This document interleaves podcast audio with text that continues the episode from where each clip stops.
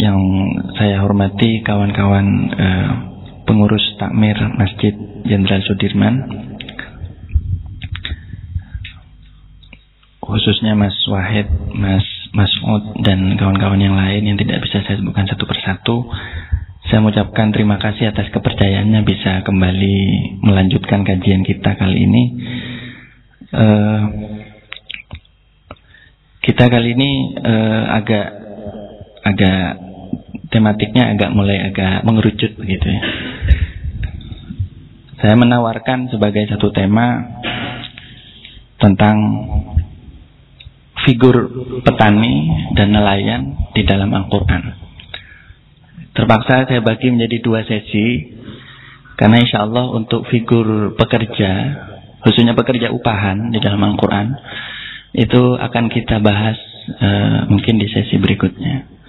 Karena ternyata cukup panjang untuk uh, tema ini saja sudah cukup panjang. Jadi saya mohon pengertiannya dan minta maaf sebelumnya itu tidak sesuai dengan yang di poster ya. Uh, uh,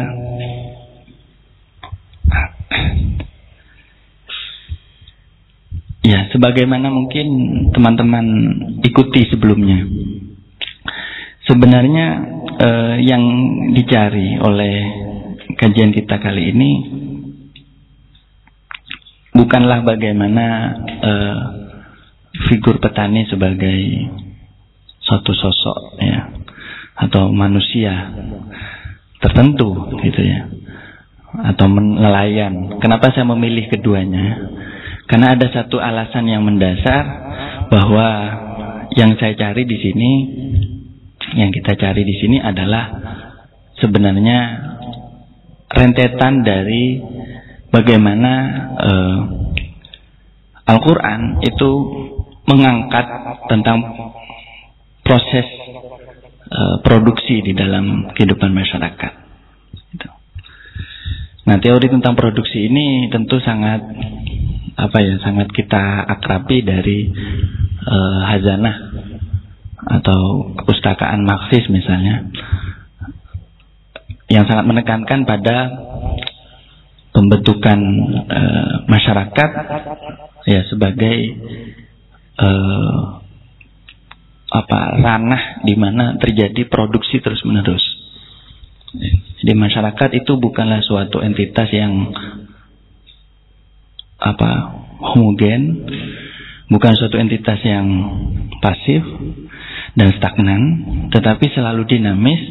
Tapi dinamisnya itu e, memiliki sifat dialektis dan di dalamnya terjadi banyak e, perubahan.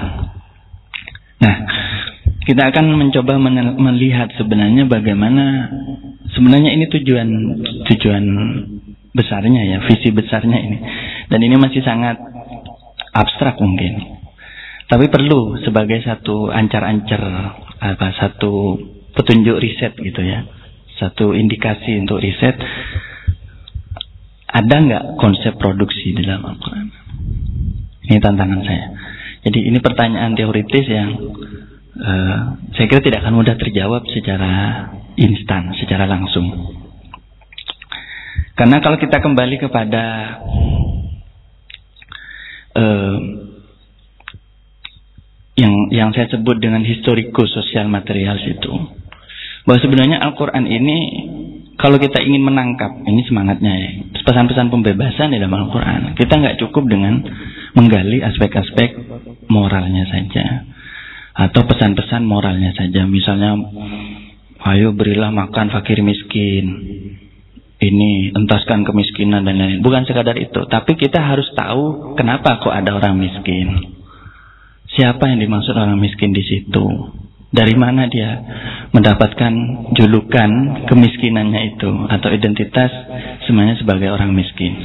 Maka kita harus melihat satu rangkaian, satu ranah yang saya kira cukup kompleks ya, bahkan kok sangat kompleks.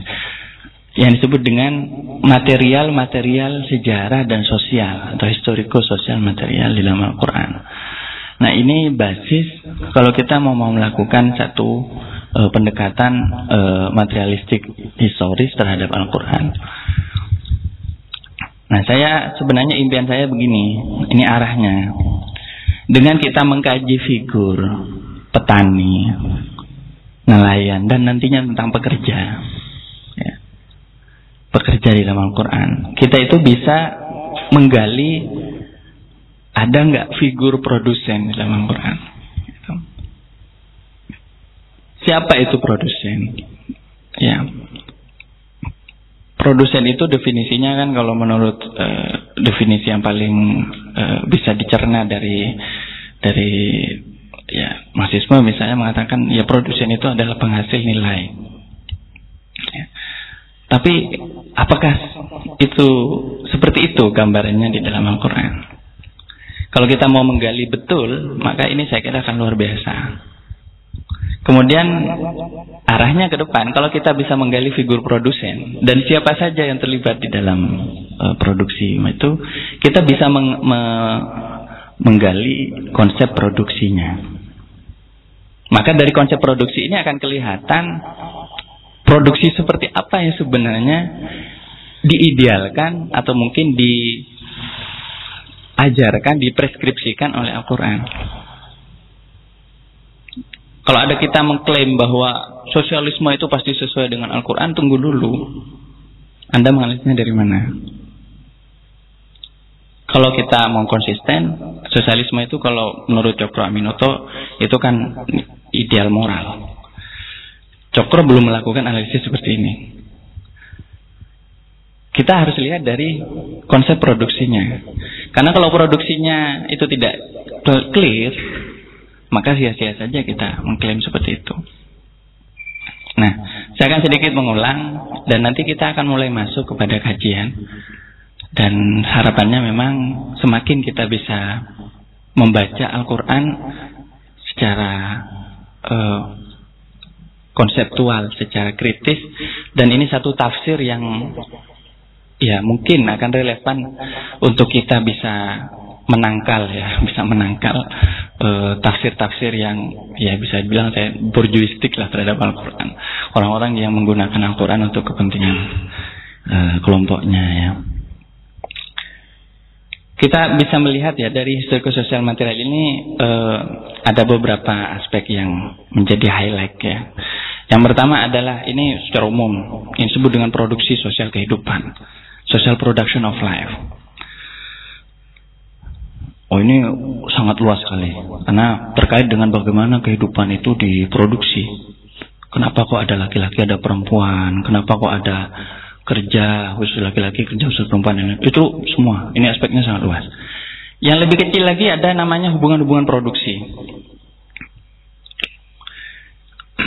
hubungan produksi itu eh, bagaimana dari produsen itu eh, memiliki hubungan-hubungan tertentu satu sama lain. Kemudian eh, ada juga yang namanya perkembangan daya-daya produktif material. Eh, saya menerjemahkan productive force itu dengan daya-daya produktif. Jadi maksudnya masyarakat itu bisa berkembang dari satu tahap ke tahap yang lain, ya, atau bisa mengalami satu perubahan yang drastis, ya, yang revolusioner atau yang transformatif, itu bisa berkembang karena ada faktor e, perkembangan daya-daya produktifnya. Daya produktifnya ini nanti mencakup apa ini yang ada di bawah. Dan pada akhirnya nanti ini ada bentuk-bentuk kesadaran sosial. Ini lebih pada aspek e, ideologis atau e, apa aspek-aspek apa kesadaran dari kehidupan masyarakat. Dan nanti bisa menyebutnya di sini misalnya hukum, agama, etika, norma dan lain-lain. Nah sebelum masuk ke semua ini, ini keempat ini semacam apa ya matra gitu ya, semacam matra yang sangat luas sekali. Karena kalau kita e, langsung menyasar empat empatnya ini nggak mungkin kita melakukannya sekaligus gitu. Jadi harus harus di, dicicil satu persatu.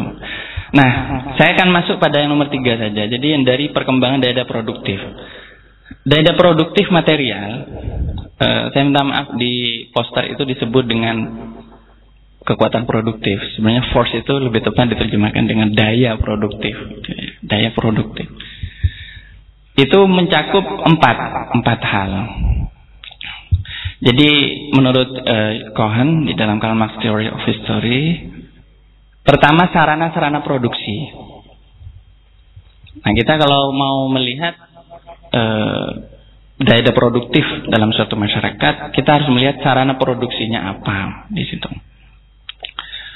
Uh, dengan sarana apa, uh, apa uh, sarana produksi ini apa ya? dimensinya ah, mengandung dua hal. Ini saya minta maaf, ini salah ini. Ini mestinya sarana produksi, ini ada seperti ini ya, maaf. Uh, ini harus, uh, ini salah ini. Pantesan kok keliru ini. Jadi mengandung ini ah, alat-alat uh, produksi dan bahan-bahan mentah.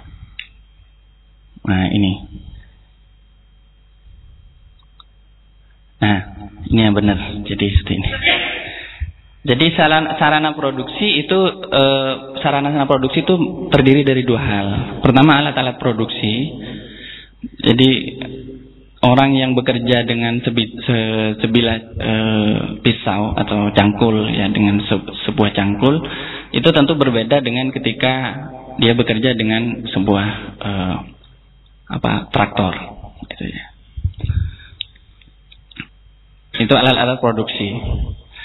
Seorang buruh manual, ya seorang buruh yang bekerja dengan tangannya itu berbeda dengan buruh yang bekerja dengan uh, mesin. Ya. Seorang buruh yang bekerja dengan mesin berbeda dengan mesin manual, berbeda dengan seorang buruh yang bekerja dengan mesin uh, non manual seperti internet atau komputer dan seterusnya. Jadi ini e, sarana-sarana produksi ini, alat-alat produksi ini berkembang di dalam masyarakat e, dan tidak seragam.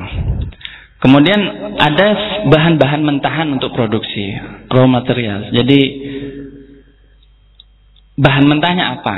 Ya, e, mungkin kalau saya sama teman-teman dari mungkin teman-teman pernah mendengar namanya FNKSDA, Front Hadi untuk Kedaulatan Sumber Daya Alam itu banyak bergerak di bidang agraria. Itu kita banyak menyoroti e, praktek kapitalisme di bidang eh, bahan-bahan mentah yang berbahan yang berdasar dari ekstraksi atau yang diambil dari perut bumi seperti minyak, gas, ya, timah, tembaga, emas dan seterusnya. Karena mengambil emas dari perut bumi itu berbeda dengan mengambil rumput di atas permukaan bumi berbeda. Bahan mentah berbeda, kerjanya juga beda, produksinya juga beda, nilai yang dihasilkan juga berbeda. Jadi ini anu ya aspek yang paling eh, apa ya paling kecil ya dari dari sarana produksi. Jadi kalau kita mau berhayal bahwa oh ya pantesan ya gajinya seorang karyawan Pertamina itu uh, berkali-kali lipat daripada gajinya seorang karyawan tekstil misalnya ya karena memang uh, bahan-bahan mentahnya berbeda. Kemudian ada dua lagi selain sarana produksi yaitu kekuatan tenaga kerja, labor power. Nah, saya akan fokus pada yang ini saja, yang terakhir ini. Jadi kalau diurai ini memang uh, bikin pusing betul gitu. Dan itu karena itu itu sebabnya sebenarnya uh, analisis uh, historical naturalism itu itu sangat sulit. Ya, jarang uh, orang bisa menganalisis secara konsisten gitu ya. Kekuatan tenaga kerja. Nah, kita akan mas melihat pada ini ya.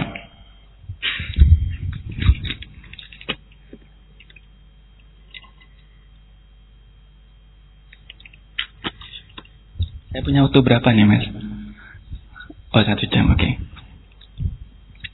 Uh, eh, ini kira-kira skema perubahannya seperti ini skema ininya apa uh, hubungan antara satu elemen yang tadi saya elemen-elemen tadi disebutkan dengan yang lain. Biasanya analisis uh, materialisme historis itu ini bisa diberangkat dari pertama ini dari kondisi-kondisi material kondisi material apa yang ada pada suatu entitas masyarakat tertentu misalnya Kemudian perubahan kondisi-kondisi material, ya, misalnya karena gempa, karena alam, karena perubahan alam, itu bisa memicu hubung, perubahan hubungan-hubungan produksi. Jadi e, perubahan kondisi material itu akan berdampak kepada perubahan hubungan-hubungan produksi. Di novel kebetulan tadi ada kawan yang menyinggung soal novel. Saya kebetulan lagi baca novelnya novel Ulit ya, karangannya siapa itu? Itu cerita tentang orang apa pekerja para buruh pencari batu atau batu batu kapur ya, di sebuah desa di Jawa. Eh, yang yang yang terpaksa harus eh, ya berubah menjadi eh, buruh pabrik ya. Ya kemudian ada yang nanti pergi ke Malaysia sebagai tenaga kerja eh, impor ya TKI tenaga kerja Indonesia. Itu apa karena perubahan e, kondisi materialnya gitu. Artinya ketika misalnya seorang petani di kampungnya itu sudah tidak lagi e, cocok dengan tanahnya dalam artian tanahnya itu sudah tidak produktif e, tidak subur maka otomatis dia akan berganti pekerjaan gitu nah dan yang kita lihat itu bukan pergantian pekerjaannya. Sebenarnya yang berganti itu adalah hubungan produksinya. Karena kalau pekerjaan itu akan kembali kepada division of labor. Pembagian kerja yang itu sebenarnya khas dari masyarakat eh, kapitalis. Ya.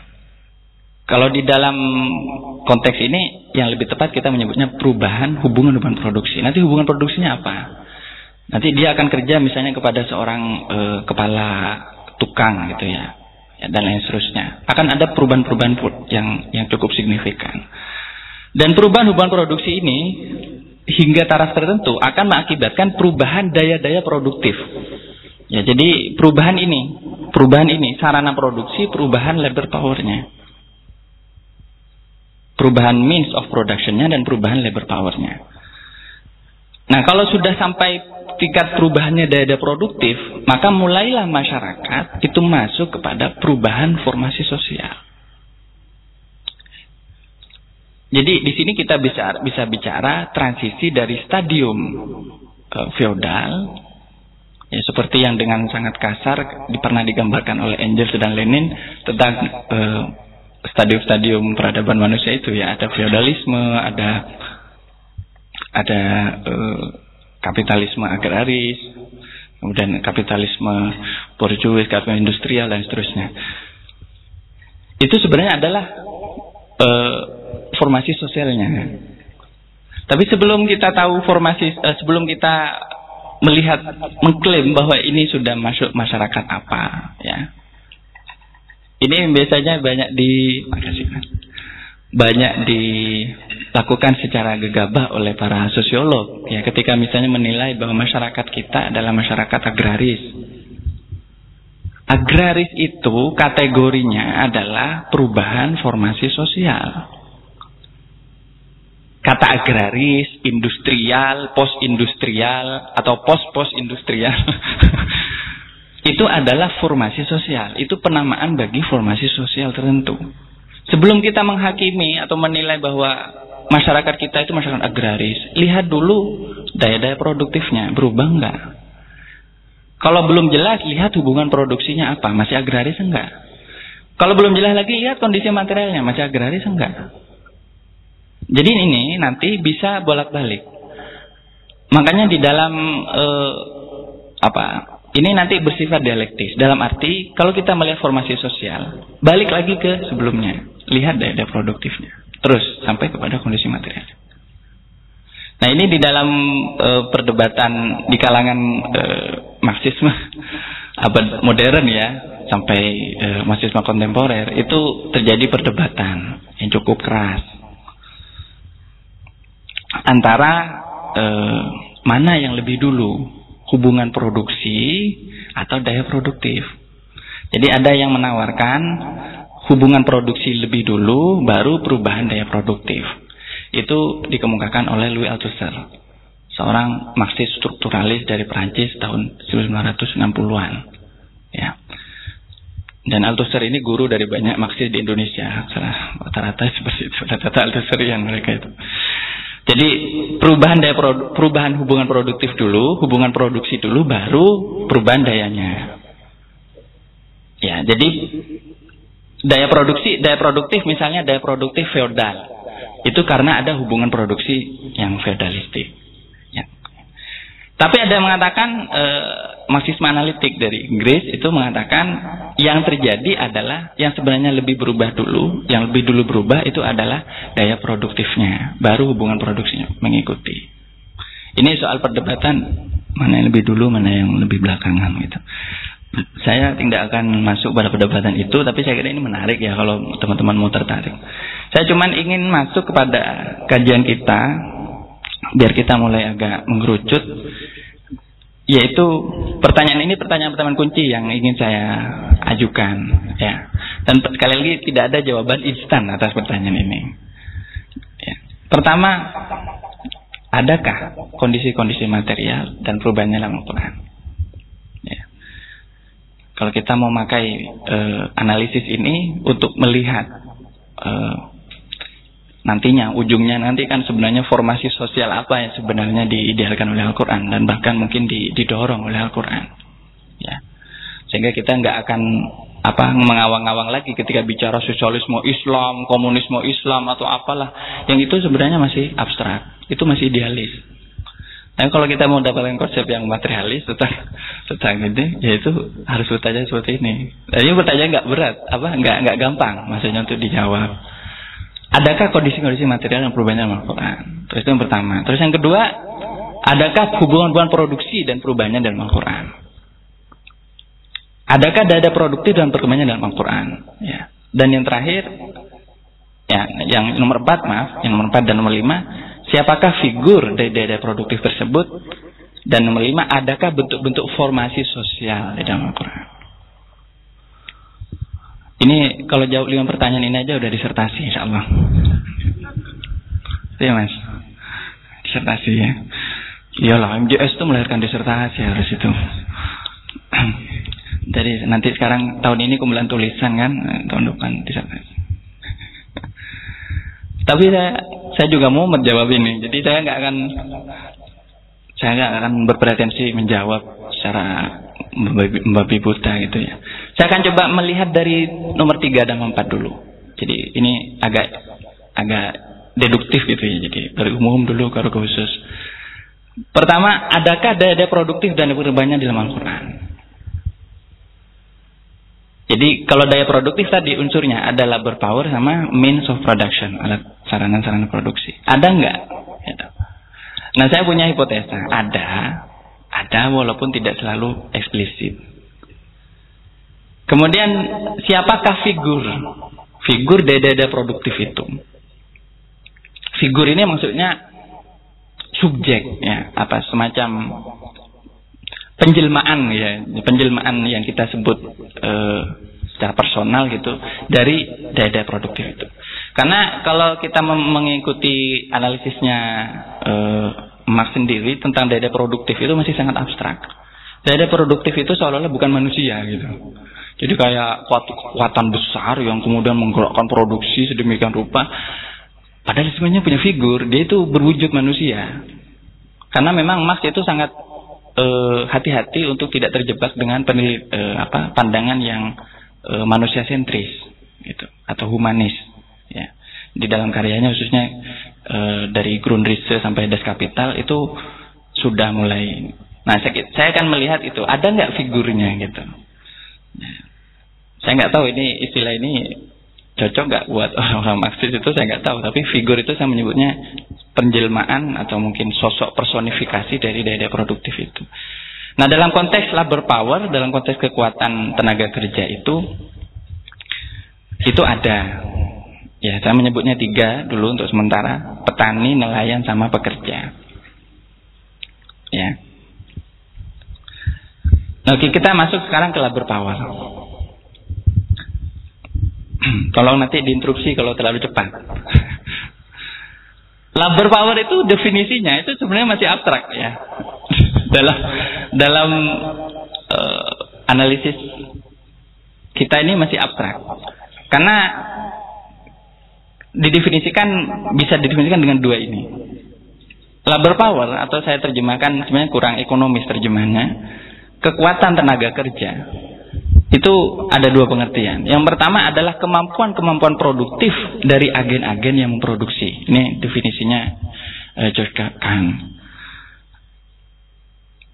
Berupa kekuatan, skill, pengetahuan, kecakapan dan lain-lain. Ini. Ada juga mendefinisikan eh, energi manusia yang diinvestasikan dalam gerak proses kerja dengan tujuan mengubah benda-benda yang dikerjakan menjadi barang-barang yang memiliki nilai guna dan nantinya dalam modus produksi, kapitalis menjadi komoditas.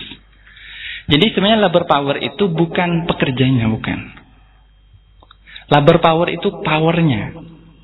Dan kekuatan tenaga kerja itu adalah bentuk apa e, berupa kemampuan-kemampuan tenaga tersebut memproduksi. Nah sebenarnya ketika misalnya e, seorang kapitalis ya dengan agen pemasaran e, apa agen outsourcing misalnya dia membuka lapangan lapangan pekerjaan lowongan kerja ya.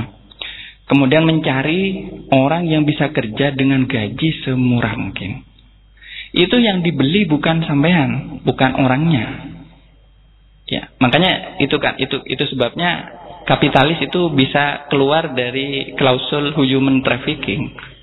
Gak kena human trafficking, pasal human trafficking gak kena. Soalnya apa? Loh saya nggak beli manusianya kok. Yang saya beli itu kemampuannya. Artinya skillnya yang dibeli. Energinya yang dibeli. Ya ini jadi yang dibeli itu powernya. Dan power ini masih abstrak.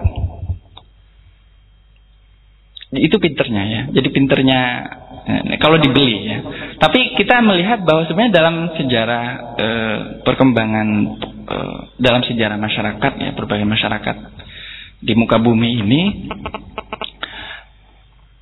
tidak semuanya power itu e, masuk dalam skemanya kapitalis yaitu dibeli dan dijadikan komoditas seperti layaknya buruh yang dalam outsourcing dalam e, pasar kerja yang murah itu. Tapi bisa juga dia memang e, ada dan memang menjadi tenaga kerja e, kekuatan tenaga kerja yang produktif. Nah ini yang e, apa nantinya ada istilah baru ya di dalam konteks jadi kalau ini tenaga kerjanya ya kekuatan tenaga kerjanya ada yang disebut dengan kerja konkret. Ini apa lagi ini? Pokoknya wis mudeng. Enggak anu Mas apa pusing bukan enggak mudeng apa? Ya ini versi yang saya anu sederhanakan. Jadi Marx itu membedakan antara kerja konkret sama kerja abstrak. Ada kerja material ada kerja imaterial tapi itu beda lagi definisinya. Sekarang masuk ke kerja konkret saja. Kerja konkret itu ya kerja kan memang konkret gitu loh mana aja ada kerja yang nggak konkret ya pertanyaannya konkret seperti apa dan konkret buat siapa. Nah, konkret di sini dalam arti kerja yang menghasilkan nilai guna tertentu. Jadi use uh, value, nilai guna. Jadi nilai guna ini dalam artian orang kalau bekerja dia bisa langsung uh, entah dirinya atau orang lain itu mendapatkan manfaat ya Makanya konsep manfaat ini, konsep manfaat atau utility di dalam agama itu penting juga nantinya. Soalnya gini mas, sampai bisa saja nanti dieksploitasi hanya karena dibilang khairun nas anfa'uhum linnas. Sebaik-baiknya manusia adalah orang yang berguna, bermanfaat buat orang lain. Bisa dieksploitasi sampai mas. Jadi man, wih sampean gaknya mengabdi, nggak usah digaji, nggak usah dibayar, gitu kan mengabdi sama saya, kerja sama saya, udah nggak usah dibayar, nanti Allah yang bayar. Enak. itu eksploitasi itu. Dan itu kenapa? Karena kerja konkret yang menghasilkan nilai guna, tapi nilai gunanya itu eh, dirampas ya di apa jadi kita hanya murni menghasilkan nilai guna sementara nilai guna itu tidak bisa dipakai oleh kita. Nah konsep nilai guna ini eh, ini nanti ada beberapa konsep penting sebenarnya. Ada nilai guna ada nilai tukar ya. Ada eh, apa banyak sekali nilai dalam maksud ya, teori tentang nilai itu ya, ini lain ini nanti. Tapi untuk sementara sudah soal nilai guna ini sebenarnya praktis ya. Maksudnya nilai uh, suatu yang membawa manfaat ya manfaat itu bisa dirasakan. Misalnya makan minum itu kan sesuatu yang bisa dimakan sesuatu yang bisa diminum itu berarti ber, bernilai guna. Dan karenanya kerja tersebut membutuhkan suatu materi atau bahan teknologi dan alat-alat khusus. Dan menduduki suatu tempat tertentu di dalam pembagian kerja. Jadi di situ ada teknik yang dibutuhkan, ada uh, resource atau bahan yang dibutuhkan Nah sebenarnya gini, kayak jadi saya masuk saja bertani ya dan melaut itu adalah bentuk-bentuk kerja konkret sebenarnya. Jadi bertani, melaut itu bentuk-bentuk kerja konkret dalam ragam pembagian kerja. Kalau di dalam konsep kita itu nggak kita nggak mengenal pembagian uh, apa berbe perbedaan profesi. Kita itu sudah terbiasa ya dengan istilah profesi kamu apa? Ya. Kalau katanya orang barat, orang barat tanya uh, kerja kamu apa? Kerja itu sama dengan kalau di sini saya profesi kan. Profesi itu sebenarnya khas dari situasi kapitalisme. Karena sebenarnya yang ada itu adalah pembagian kerja. Nah, pembagian kerja itu di dalam masyarakat tradisional, eh, prakapitalis, sampai masyarakat kapitalis post industrial dan lain-lain itu berbeda-beda. Ya. Tapi eh, khusus misalnya dalam bidang ini ya, bertani dan melaut ya. Saya menyebutnya dua saja. Ini sebenarnya kategori yang masih masih sangat sederhana. Karena bertani itu tidak satu aktivitas kan, ya. Tapi bertani dan melaut itu adalah bentuk-bentuk kerja konkret. Nah, keseluruhan dari energi yang dikeluarkan dalam kerja ini membentuk kekuatan tenaga kerja. Nah, saya eh, ingin masuk pada poin ini. Agar kita bisa mengetahui ya kekuatan tenaga kerja atau labor power di dalam Al-Qur'an. Ini tentu satu pet, uh, pertanyaan yang sangat eksperimental. Kita harus mengenali konsepsi Al-Quran tentang kerja. Sebenarnya kerja itu. Jadi sekali lagi mas, mas biar nggak di nggak dikibuli, biar nggak di diapusi gitu loh. Orang kalau kerja itu banyak sekali mistifikasi dalam konsep kerja ini. Iya banyak sekali. Mistifikasi dan religiosisasi. Ya. Kenapa? Karena biasanya orang kalau bilang ini lillah ta'ala, seolah-olah sudah terbebas dari eksploitasi, belum tentu. Ya. Makanya paling miris kalau orang yang sudah dieksploitasi masih bilang lillah ta'ala, Masya Allah itu. Saya itu udah kan. Ya, kemarin saya waktu mau ke sini ketemu seorang TKW dia sudah lama katanya kerja di Singapura. Dia itu e, untuk pergi ke dia mau kerja ke Malaysia, orang Banyuwangi. Kemudian e, terdampar di Probolinggo selama seminggu ya sambil mengurus e, izin untuk kerja itu. Dan dia tahu nggak bayar berapa untuk dia agen ke agen TKI-nya itu. 8 juta. Padahal paspor dan visa ke Malaysia tidak semahal itu. Saya tanya, Bu, kenapa kok bayar sebanyak itu? Ya mas, ya yang penting saya berangkat. Saya ikhlas itu sudah buat ini. Yang penting sama-sama senang katanya. Ini miris sebenarnya. Orang sudah tereksploitasi masih bilang ingin menyenangkan orang lain. Masya Allah. Jadi kita harus tahu sebenarnya konsepsi Al-Quran tentang kerja itu apa sih sebenarnya. Ini maksud kerja menurut Al-Quran itu apa?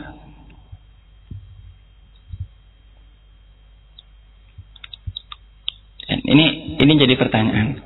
Dan saya masih akan coba anu, coba menelusuri lagi. Saya melihat biar kita nggak mengawang-awang, kita lihat dulu relasinya ya. Karena relasi ini penting menentukan. Kerja itu punya dua dimensi kan. Kerja Ini sekali lagi kerja dalam arti ini bukan sholat, bukan ibadah ya, bukan. Kalau ibadah itu bukan kerja itu. itu setoran itu.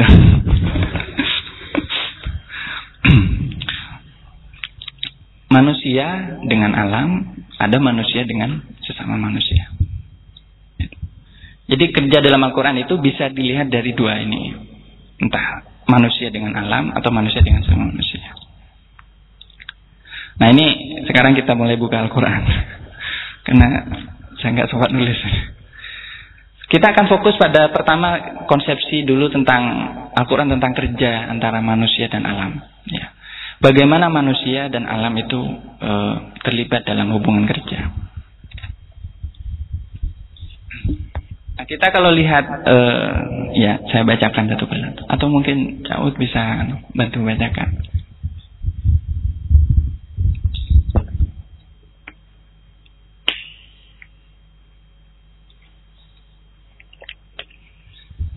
Teman-teman bisa merujuk ini kalau hafal Al-Quran lebih baik. Saya kira bisa langsung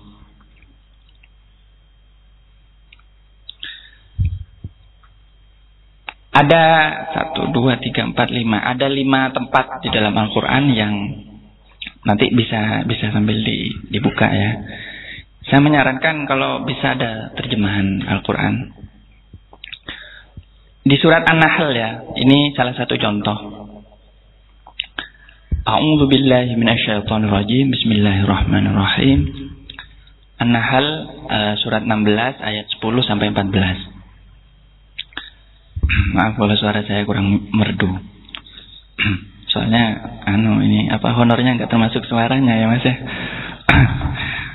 Huwallazi anzala minas sama'i ma'an lakum minhu syarabun wa minhu syajarun fihi tusimun. Dialah yang telah menurunkan air hujan, air dalam tanda kurung hujan dari langit untukmu. Sebagiannya menjadi minuman dan sebagiannya menyumburkan tumbuhan. Padanya kamu menggembalakan ternakmu. Yumbitu lakum bihi zar'a wa zaituna wa nakhila wal a'naba wa min kulli thamarat.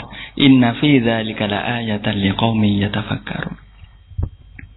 Dengan air hujan itu dia Allah menumbuhkan untukmu tanaman-tanaman, zaitun, kurma, anggur dan segala macam buah-buahan. Sungguh pada yang demikian itu benar-benar terdapat tanda kebesaran Allah bagi orang yang berpikir.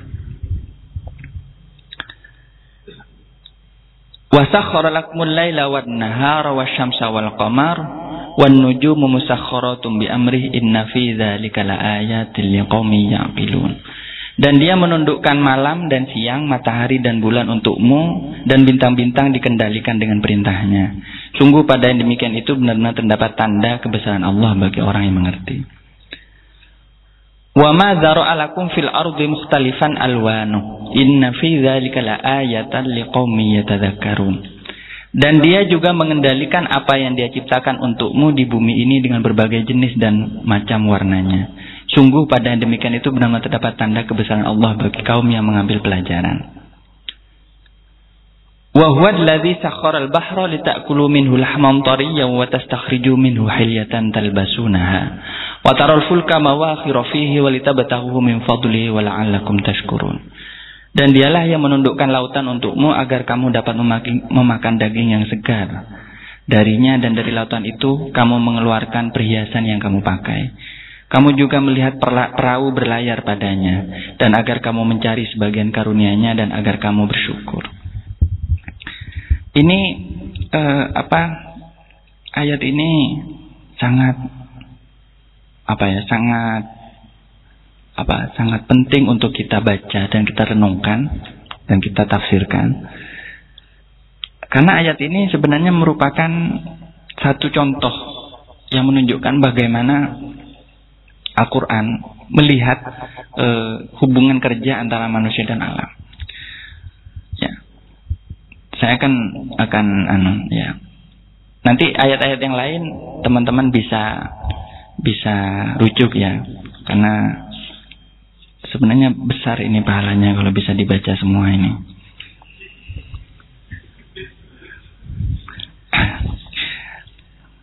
Allah. Enaknya ini ngundang Mas Yasir ini. Biar bisa baca dengan langgam Jawa ya. Di dalam ayat ini misalnya ayat Al-Jathiyah ayat 12 ya. Surat Al-Jathiyah ayat 12. Surat Al-Jathiyah surat ke-45 ayat 12. Allah berfirman ya. Ini saya bacakan lagi satu.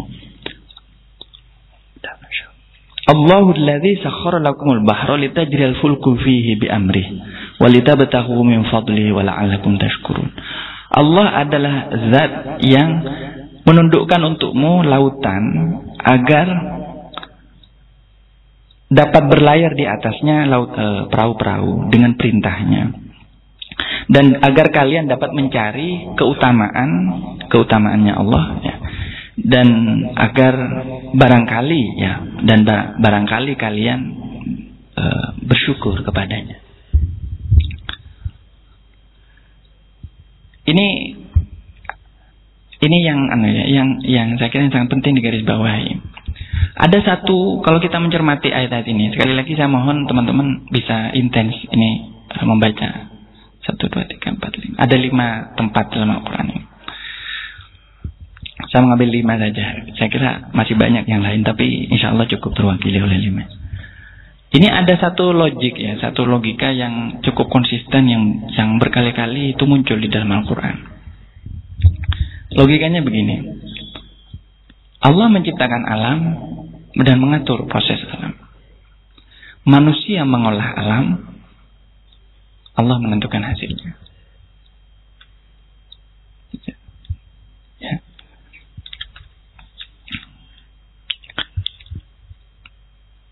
Jadi Allah menciptakan alam ini ya. Ini konsep teosentrisnya Al-Qur'an tentang kerja antara manusia dan alam. Allah menciptakan alam dan mengatur proses alam. Terbukti dalam dengan kata taskhir. Allah itu menundukkan untukmu. Taskhir itu sakhar yusakhir. Itu Allah menundukkan, artinya memudahkan untukmu. Laut, hujan, ini semua untukmu. Gitu. Jadi Allah menciptakan mengatur proses alam. Nah manusia itu mengolah dengan dengan dengan di dalam ayat surat An-Nahl ini barusan yang saya baca manusia itu e, menanam tanaman zaitun, kurma, anggur, nah sehingga muncul e, buah-buahan tadi. Manusia menggembala ternak, ya gambarannya di sini. Tapi soal hasil itu Allah juga yang menentukan. Nah, saya bahasakan dengan bahasa yang lain. Allah menurunkan hujan, ya. Petani menanam, Allah menumbuhkan, petani memanen dengan rasa syukur kepada Allah. Allah memberkahi hasil pertanian. Ini konsep uh, teosentrisnya Al-Quran. Bahwa Tuhan itu adalah pelaku utama. Allah menenangkan laut, nelayan melaut dan menangkap ikan. Allah menyelamatkan nelayan kembali ke pantai. Nelayan mengolah hasil tangkapan dengan rasa syukur, Allah memberkahi hasil tangkapan. Di dalam ayat yang tadi dinyatakan uh, dan dialah yang menundukkan lautan untukmu agar kamu dapat memakan daging yang segar. Dan dari lautan itu kamu mengeluarkan perhiasan yang kamu pakai. Dan ujungnya agar kamu bersyukur. Jadi eh, seperti ini ya. Kalau kita lihat ini masalah istilah petani nelayan ini nanti bisa bisa kita jabarkan karena petani tidak tunggal ada petani yang sekarang ya kapitalis, ada yang nggak punya, ada yang buruh tani, macam-macam kan nanti akan mengalami uh, ragam perkembangan uh, seiring perkembangan produksi. Tapi yang saya paling garis bawah ini gini, yang bawah ini kerja itu kerja antara manusia dan alam itu hadir sebagai mediasi bagi tindakan Tuhan. Artinya pekerja itu hadir sebagai mediasi bagi tindakan Tuhan. Tuhan bekerja, manusia ikut bekerja.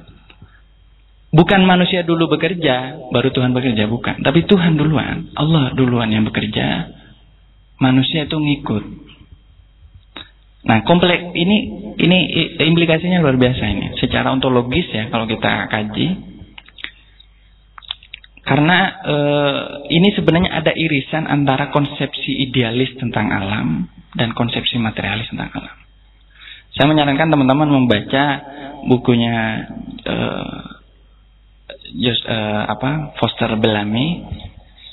Uh, judulnya Max uh, Conception of Nature kalau nggak salah atau Ecology itu tentang konsepsi materialis tentang alam itu konsepsi idealis itu seperti ini ini konsepsi yang biasanya dianut dengan istilah natural theology ya ini dianut oleh uh, true socialism jadi dulu di Jerman ada kelompok namanya True Socialism, sosialisme sejati katanya. Ya, uh, uh, pemikirnya namanya Rudolf Mattei. Itu yang dikritik antara oleh Marx dan Engels itu di dalam tulisannya. Natural theology ini berkeyakinan seperti ini, bahwa alam itu memberi kepada manusia tanpa kerja. Alam bisa dinikmati tanpa kerja. Jadi mereka tidak menyebut Tuhan. Jadi alam ini ya makanya disebut uh, the mother uh, apa mother nature ya, ibunda alam atau mungkin ibu pertiwi lah kalau dia bahasa. Alam ini memberikan dengan kemurahan hatinya ya itu segalanya untuk alam untuk manusia. Manusia itu sudah asal bisa apa mau apa bisa menikmati hasil alam apa yang diberikan alam itu sudah bagus. Tidak perlu diolah lagi. Tidak ada konsep kerja di situ. Ini konsep idealis ya. Sebenarnya walaupun dia mengaku sosialis ya, tapi idealis. Kontennya itu idealis karena tidak ada kerja. Itu beririsan agak-agak mirip dengan uh, pandangan ekopol atau ekonomi politik borjuis. Ekonomi politik borjuis akan mengatakan alam itu uh, sebaliknya, alam itu ada untuk diolah dan dieksploitasi. Tapi tidak penting siapa yang mengerjakan. Pokoknya wis dieksploitasi. Dia tidak memperhitungkan ada faktor kerja dan pekerja. Tidak ada itu di dalam konsep ekonomi politik borjuis. Kemudian ada dulu konsep yang lain ya, ini yang eh, disebut dengan konsepsi materialis tentang alam. Dia mengatakan alam itu diubah oleh kerja dari labor power. Coba lihat perbedaannya. Jadi teman-teman bisa membandingkan antara perbedaannya dengan konsepsi yang idealis tadi. Intinya di sini alam tidak memberikan apa-apa kepada kita dengan percuma, dengan uh, cuma-cuma, maaf, dengan cuma-cuma. Dia harus di diolah dengan labor. Nah, maka labor atau kerja itu menjadi penting, kategori yang menjadi sangat penting. Karena kalau tidak ada kerja, alam itu akan tetap dalam state of nature. Yang disebut dengan state of nature kondisi alamiahnya yang itu liar, buas, primitif dan lain-lain. Maka ad, begitu ada kerja, alam itu diubah, ditransformasikan oleh kerja. Maka siapa yang mengerjakan menjadi penting. Berbeda dengan ekonomi politik borjuis, Adam Smith dan kawan-kawan yang mengatakan bahwa nggak penting tuh siapa yang mengerjakan, yang penting dieksploitasi, we. pokoknya nggak peduli siapa yang mengerjakan, pokoknya siapa saja berhak menikmati dan mengeksploitasi alam. Bandingkan dengan terakhir konsepsi Al-Quran. Karena konsepsi Al-Quran itu mentautkan, menautkan pada Tuhan, pada Allah ya. Maka seperti ini. Allah memberikan karunia ke alam kepada manusia. Jadi kita diberi alam yang luar biasa. E, kaya, indah, dan lain-lain. Tapi alam itu diubah oleh kerja. Ini jadi irisannya di sini. Tapi dalam rangka ibadah kepada Tuhan. Artinya kerja manusia mengeksploitasi alam itu eh, mengolah alam bukan mengeksploitasi, mengolah alam itu bukan untuk kerja itu sendiri juga bukan untuk alam, tapi untuk bersyukur kepada Allah.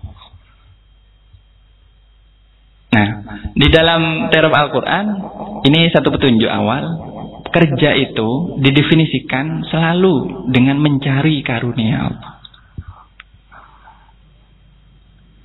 Mencari fadlullah.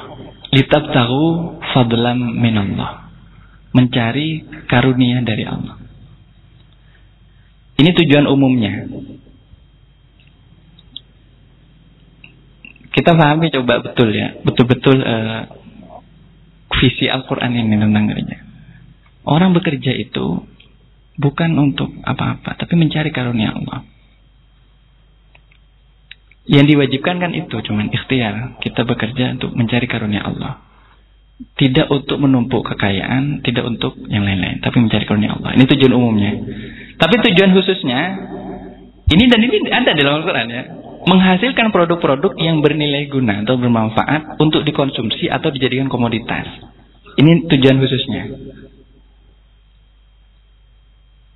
Karena di dalam ayat sini ini di surat An-Nahl ada jelas lita kulu minhu lahman toria agar kalian makan daging yang segar dari laut. Jadi memang ada ada tujuan untuk orang itu mengolah jadi dia bisa mengambil satu menghasilkan produk yang bernilai guna untuk dikonsumsi atau dijadikan komoditas. Watas takhriju minhu hilyatan talbasuna dan mengambil agar kalian bisa mengambil dari laut itu permata yang bisa kalian pakai. Tentu permata ini tidak melulu hanya dipakai tapi dijual. Nah, Kira-kira yang melakukan keduanya ini siapa kalau bukan petani dan nelayan? Maka menjadi sangat penting. Nah, ini e, beberapa kosakata Al-Quran ya. Untuk saya masuk pada petani dulu.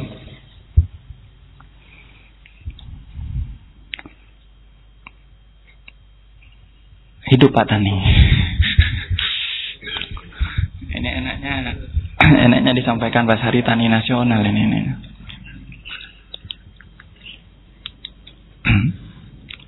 Ada beberapa ini saya maaf ya. Ini kemarin informasi tentang sesi kata kali ini ini dikomentari sama Mas Mas ini apa sama teman-teman di Rembang di Kendeng itu. Seneng kali ya. ya karena memang aktivitas mereka bertani gitu. Dan saya kira para petani itu harus tahu konsepsi Al-Quran tentang pertanian, harus tahu. Kalau tidak tahu, sudah teralienasi dari dua kali itu. Teralienasi dari petaninya masih teralienasi dari Al-Quran, wah itu Dalla dalalan Akan sesat dan menyesatkan Jadi harus tahu ya Semua orang yang peduli dengan uh, eksisnya uh, petani Pertanian dan mungkin dunia agraris secara umum itu harus tahu bagaimana Al-Quran itu berbicara tentang pertanian. Ya. Ini ada beberapa kosakata. Pertama bertaninya. Bertaninya itu disebut dalam dalam Al-Quran itu banyak sekali kosakata yang ini masing-masing punya kekhasan semantik dan semiotik yang yang kaya sebenarnya kalau kita bedah. Saya nggak akan melakukannya itu sekarang ya. Dan ini saya kira masih terbuka untuk kita lakukan kapan-kapan. Uh, Misalnya ada kata tusimun ya, di surat An-Nahl ayat 10. Tusimun itu uh, kalau di sini diterjemahkan menyuburkan tumbuhan. Ini kan menarik. Kenapa disebut menyuburkan tumbuhan? Artinya kan di situ bisa jadi bertani, ada butuh pupuk dan lain-lain. Tahrusun. Tahrusun itu artinya e, berladang ya, berladang. Hal al hartu, ini kita ingat ayat Nisa hukum hartul lakum. Uh, istri-istrimu itu adalah ladang bagimu gitu. Tapi ini bukan pertanyaan kali ini. Oh, saya ini saya nggak enak ini. Kayaknya di depan banyak jomblo ini ngomongnya. Ini kenapa kok disebut ladang? Al harf itu ladang. Ladang itu uh, punya punya konotasi. Jadi tahrusun itu artinya berladang, orang pergi ke ladang. Nah, ini di surat Al-Waqiah uh, ayat 63. Kemudian di surat Yusuf ayat 47 itu ada kata tazraun. Itu sebenarnya artinya sama, bertani juga gitu, apa e, menanam. Cuma e, kalau saya saya kira harus cari rujukannya pada kamus Arab juga karena Orang Arab itu punya cara yang berbeda-beda menyebut eh, dunia pertanian itu, menyebut aktivitas. Ada yang tahrusun, ada tazra'un. Hasodi, hasodi itu artinya masa panen di surat Al-An'am. Hasotum kalian memanen. Yaskun, yaskun itu artinya mereka e, menyiram. Ya'sirun, ya'sirun itu memeras. Ini khusus untuk e, pertanian yang mungkin agak dekat dengan perkebunan ya, mungkin berkebun. Dan ini yang menarik ya, ada kata-kata di surat Yasin. Ini kalau sering baca Yasin pasti sering nih lewat surat ini. E, ayat ini ayat 35. Wa ma amilatu aidihim. Dan sesuatu yang dikerjakan oleh tangan-tangan mereka. Jadi ini eh, apa penggambaran yang sangat visual tentang aktivitas bertani itu sebagai aktivitas manual tangan. Itu. Makanya dalam hadis yang lain ada sebuah hadis menyatakan bahwa eh, bekerja dengan tangan sendiri itu jauh lebih barokah daripada bekerja dengan jauh lebih barokah gitu ya, ya daripada yang lain-lain. Ya. Jadi ini ini menunjukkan apa signifikansi menurut Al-Quran kerja langsung dengan manual dengan tangan. Ya. Jadi nanti kita bisa bertanya gimana hukumnya kerja dengan mesin menurut Al-Quran gitu. Silakan kembangkan karena Al-Quran saya kira akan memiliki banyak jawaban tentang itu. Jadi Kemudian kita harus harus banyak banyak anu banyak mencermati kosakata yang dipakai. Kemudian kalau tanamannya, tanamannya itu ada disebut zar. Azar itu uh, tanamannya, tanaman yang di, ditanam. Zuru. Zuru itu jamaknya zara. Jadi banyak, banyak eh, plural. Disebut juga di surat Dukhan itu jannat. Ini istilah yang paling banyak dipakai. Jannat itu dalam Al-Quran itu ada dua. Bisa kebun atau tanah pertanian yang subur. Sehingga oh, segala jenis tumbuhan bisa muncul di situ. Bisa juga artinya surga. Jadi makanya kalau kita ya coba otak atik gatuk gitu ya, apa mungkin itu berarti bahwa tanah pertanian itu sebenarnya adalah suatu surga? Ya saya kira iya. Makanya orang orang luar negeri itu ya orang Belanda kan bilang Indonesia itu mau ini gitu ya. Indonesia itu negara yang surgawi gitu.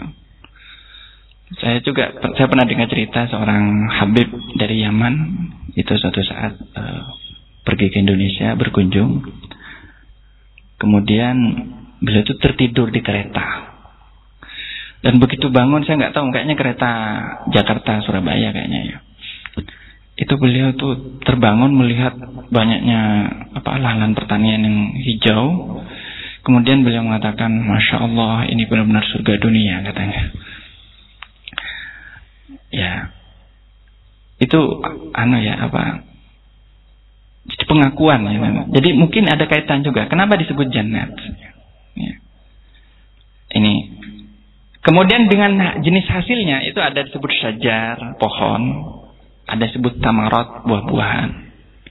Dan ini e, mencakup banyak jenis. Tadi ada disebutkan beberapa jenis saja, zaitun, kurma dan anggur. Ini teman-teman harus mencari tahu kenapa kok Al-Qur'an menyebut zaitun, kurma dan anggur. Pasti ada keutamaan disebut. Secara medis maupun secara mungkin agraris mungkin Kenapa kok Al-Quran menyebut zaitun, kurma, anggur? Ya. Ini saya kira menarik. Negara-negara penghasil anggur itu kan negara-negara maju kan ya. Kenapa kok nggak menyebut misalnya uh, apel atau mungkin uh, tapi ada banyak sekali uh, jenis-jenis buahan, buah-buahan di, di Al-Qur'an yang disebutkan. Ada ruman, ada apa? belimbing apa semacam belimbing gitu ya semacam macam-macam ya saya kira orang botani nih yang bisa mengerti tapi intinya ada berbagai jenis oh, oh, buah-buahan. Kemudian nah ini yang saya cari yang ketiga ini yang kita cari ya itu petaninya. Nah petaninya itu disebutkan dalam Al-Quran azurro itu di dalam surat uh, Al-Fatah uh, 29 48 29 ya surat ke-48 ayat 29 saya bacakan ini karena ini sangat menarik sedikit intermezzo.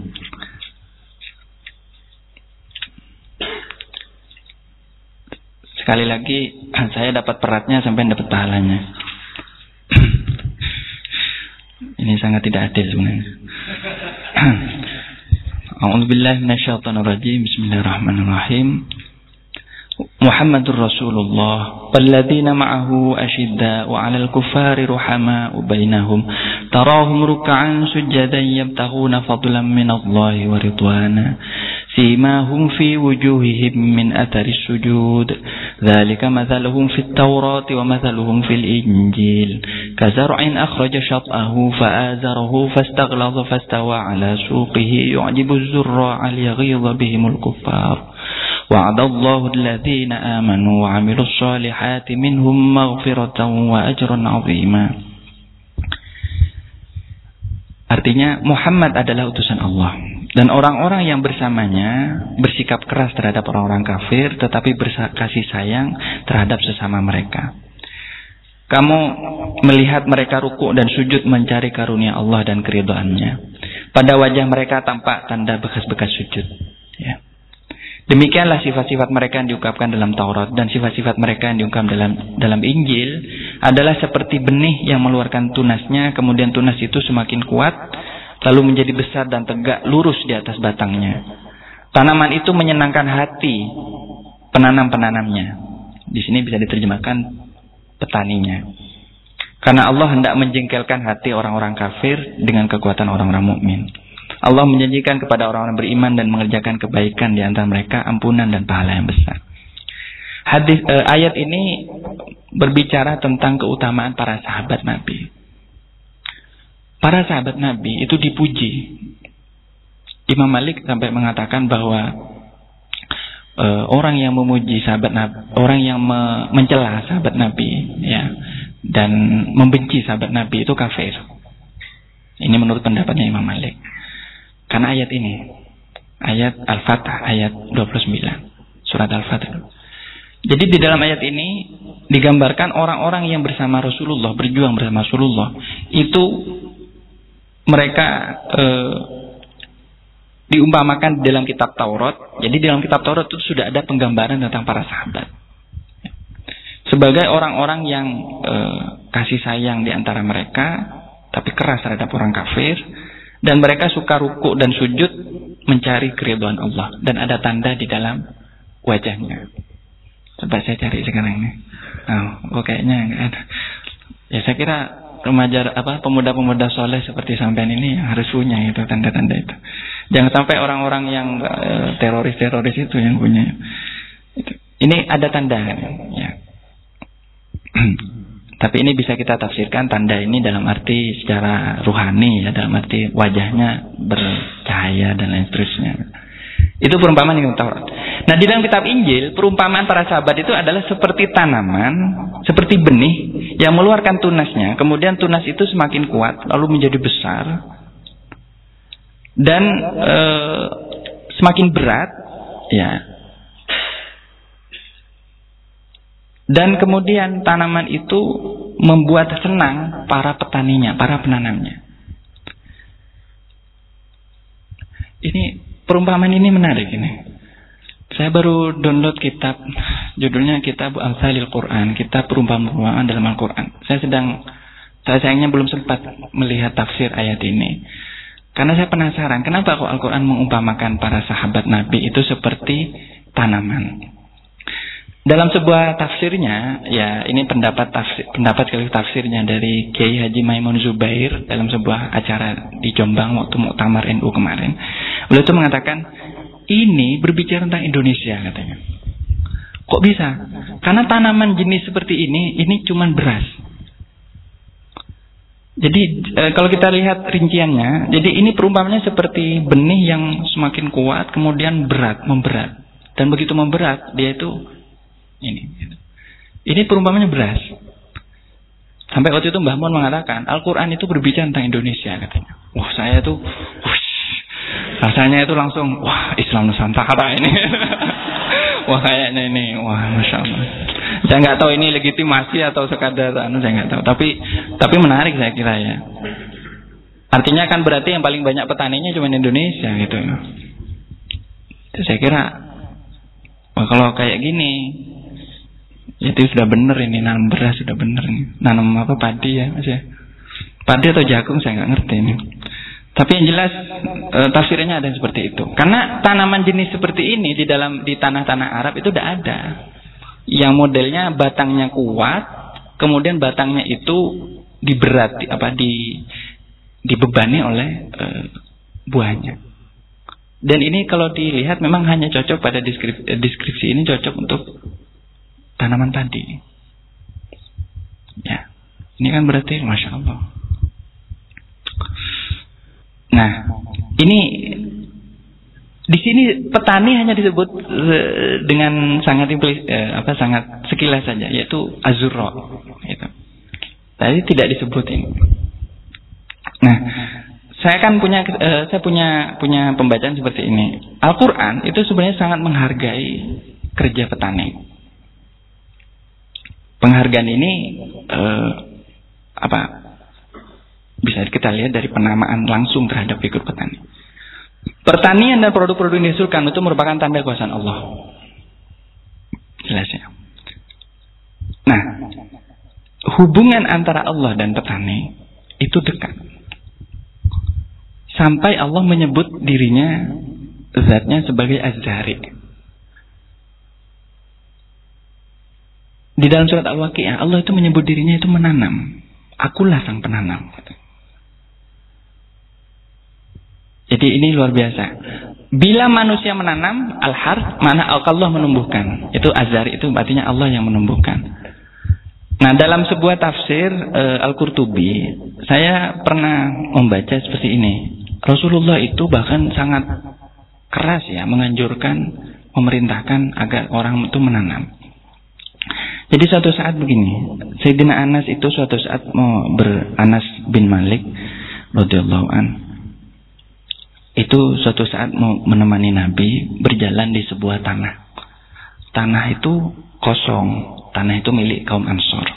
Saya terjemahkan hadisnya. Kemudian Rasulullah mengatakan kepada orang-orang Ansor, Mayam na'ukum minal harfi. Apa yang membuat kamu itu nggak menanam di tanah itu? Katanya orang-orang Ansor, Al-jadubah ya Rasulullah. Tandus, gak ada air. Terus uh, sabdanya Nabi, La taf'alu. Janganlah kamu seperti itu. Karena Allah Subhanahu wa taala berkata, Anazari, Anazarra, akulah yang menanam. Jika kamu mau menanamlah dengan air, ya. Jika kamu mau menanamlah dengan angin, ini kata Rasul. Jika kamu mau menanamlah dengan benih. Kemudian Rasulullah membaca ayat afara'aitum ma tahrutun antum tazra'unahu am nahnu Ayat yang ya, dikutip tadi dari Al-Waqiah itu. Jadi eh, apa menanam itu punya apa ya punya nilai yang bahkan sangat sangat anu ya sangat tinggi ya di dalam penghargaan Allah dan Rasulnya. Maksudnya menanam dengan angin itu bagaimana? Kalau kamu nggak mampu, kamu yang penting menanam, karena Allah mungkin akan mengirimkan angin, ya, sehingga menyuburkan tanaman kamu. Gitu. Kalau kamu nggak mampu, menanamlah dengan uh, air ya. Air itu artinya ya butuh air bisa jadi Allah akan menurunkan hujan. Artinya kamu jangan jangan putus asa hanya karena tanahnya itu gersak. Dan kalau tidak mampu kamu menanam dengan benih, artinya kamu naruh benih, gitu. Nah di dalam Al-Quran banyak sekali ayat yang menunjukkan bagaimana Allah itu menumbuhkan melalui uh, proses alam yang itu di luar uh, ikhtiar manusia. Jadi melalui angin, hujan dan seterusnya. Ya. Artinya tidak semuanya itu melalui melalui ini. Nah, para nabi itu ternyata e, beberapa kegiatan ke, pekerjaannya para nabi itu adalah bertani. Nabi Yusuf itu dalam sebuah takwil mimpinya itu kan pernah punya menakwil tujuh musim subur dan paceklik. Nabi Yusuf itu orang yang sangat mengerti dunia pertanian. Makanya e, saya kira apa salah satu arsitek kenapa dulu di peradaban Mesir itu e, pertanian sangat subur ya sebelum akhirnya dikacau oleh sistem sistemnya Firaun gitu. Itu pada era itu Nabi Yusuf adalah orang di balik itu. Nabi Yusuf itu apa seorang ahli pertanian. Buktinya beliau sangat mengerti tentang perubahan musim dalam dunia pertanian itu. Nah tentu siapa yang dimaksud di sini petani itu yang petani yang menggarap, bukan pemilik lahan. Jadi petani yang bekerja, yang menggarap lahan, yang menanam. Gitu. Nah, saya uh, ingin menyebut dua ini ya, sebelum kita masuk kepada ini terakhir pada nelayan. Figur petani ini agak konklusif sebenarnya. Figur petani di dalam Al-Quran sebagai kekuatan labor power, sebagai kekuatan tenaga kerja, itu disebut implisit. Implisit itu artinya petani itu sebenarnya hanya melanjutkan kerjanya Allah. Jadi petani ini jangan hanya melihat dirinya itu sebagai orang yang bekerja sendirian. Dia sebenarnya bekerja bersama Allah. Contohnya di dalam surat Al-An'am ada pembedaan antara jannat ma'rusyat, kebun yang dibudidayakan dan jannat ghairu ma'rusyat. Jannat ma'rusyat itu e, kebun yang dibudidayakan, artinya otomatis butuh intervensi dari penanam, dari azari, dari e, penanam. Itu yang pertama. Jadi kalau walaupun namanya eksplisit di surat tadi di surat uh, apa Al-Fat ya. Al-Fat yang pertama tadi ayat surat 20, ayat Al-Fat surat Al-Fat ayat 29 tapi implisit di dalam banyak sekali ayat. Jadi tidak disebutkan secara khusus bahwa petani itu adalah orang yang paling berjasa tidak. Tapi bahwa petani itu ada dalam proses metabolisme alamiah yang digerakkan oleh Allah. Gitu. Dan yang nomor dua ini yang menarik. Di dalam Al-Quran, oh, kata-kata bertani itu selalu dirujuk dengan kata antum. Kalian. Kalian menanam. Tahrusun, kalian berladang. Tazra'un, kalian menanam. Nah ini mengisyaratkan bahwa bertani itu merupakan suatu kegiatan kolektif. Karena nilai gunanya dirasakan oleh semua orang. Artinya semua orang menanam. Al-Quran tidak mengenal pembagian kerja yang sektoral dan ketat sebagaimana dikenal dalam sistem uh, kapitalis. Nah ini model Al-Quran itu lebih dekat kepada model budaya tradisional agraris pra feodalistik yang belum mengenal uh, secara signifikan division of labor. Atau mungkin kalau memakai istilah dari seorang sosiolog itu disebut dengan komunisme agraris. Semua orang menanam. Artinya, ya mau kita anak petani atau bukan, kita sebenarnya dianjurkan, bahkan mungkin wajib menanam. Jadi besok ada lahan nggak mas di sini? Oke. Okay. Kenapa nggak ditanam? ya. Ini kan ironis ya. Sementara sekarang yang ditanam bukan bukan bukan benih ya, tapi beton. Ya kalau menanam beton itu bukan bertani namanya. Nah hadis itu ada sebuah hadis yang berkata hal tersebut. Dalam sebuah hadis, nah ini ini saya teka-teki saya sampai sekarang masih tanya kepada seorang uh, pakar agraria, uh, sejarawan agraria di STPN sini Sekolah Tinggi Pertanahan Nasional. Saya ingin bertanya komentarnya tentang ini di sini. Ini saya baca sebuah hadis ya. Uh, hadis ini diriwayatkan oleh Sayyidina Umar bin Khattab. Jadi hadis ini menyatakan bahwa terbentuknya petani sebagai kelompok tersendiri. Artinya bukan lagi menjadi tugas kolektif dari semua orang. Tapi menjadi kelompok kelas tersendiri katakanlah atau mungkin kalangan lapisan tersendiri. Itu merupakan tanda fitnah dari suatu zaman dan merupakan tanda-tanda dari akhir zaman. Kok bisa? Ini ada hadisnya. Jadi suatu saat Sayyidina Umar itu mengatakan, saya mendengar Rasulullah itu di kamarnya Sayyidah Aisyah itu mengatakan seperti ini, berdoa seperti ini. Ini doanya Rasulullah ya. Allahumma barik lana fi madinatina. Ya Allah, berkahilah kota kami. Madinah kami, Madinah, kota Madinah. Waso'ina dan hasil panen kami. So itu gandum dan lain-lain.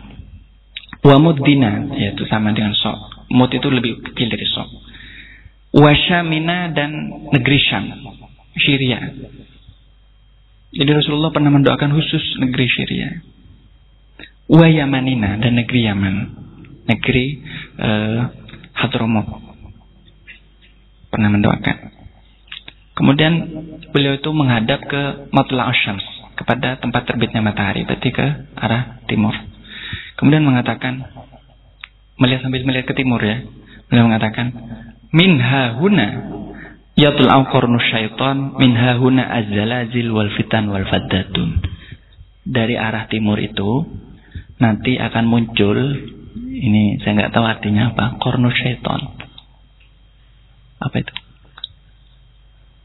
Tanduknya setan. Dari arah timur ini akan muncul tanduknya setan.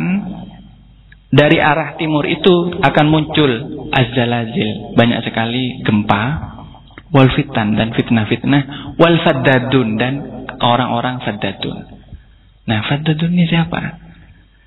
Ternyata diartikan itu disarai oleh ulama. Al-faddadun itu Katanya al-fallahun alladzina yarfa'una aswatahum. Para petani yang mengangkat suara mereka nyaring-nyaring. Maksudnya ini fadadun ini siapa? Orang-orang petani yang anu, yang keras suaranya dan mereka berteriak-teriak. Kalau muncul orang-orang seperti ini, ini tandanya akhir zaman, fitnah. Kalau saya membayangkan, ini maksudnya kalau petani sudah demonstrasi gitu loh. Kalau petani sudah turun jalan, sudah demonstrasi, ini tandanya republik sedang fitnah, sedang goyang. Artinya revolusi sebentar lagi gitu. Siap-siap. Nggak, tapi menarik ini. Ya, e, tanduk setan itu di dalam beberapa literatur tentang e, eskatologi ya, karena Islam itu kan punya keyakinan tentang akhir zaman itu ditafsirkan sebagai e, tentara. Waktu itu tentara apa itu? Mongol. Karena waktu itu Islam kan memang hancur kemudian dengan kedatangan invasi dari Mongol itu. Dan memang mereka pakai tanduk. Jadi mereka mem, e, ada ulama yang membenarkan e, seperti itu. Ya. tapi yang lain ini menarik buat saya. Ada gempa ada fitnah dan ada kaum fadatun nah jadi Sadadun ini kan berarti petani itu sudah menjadi satu kelompok tereksklusif.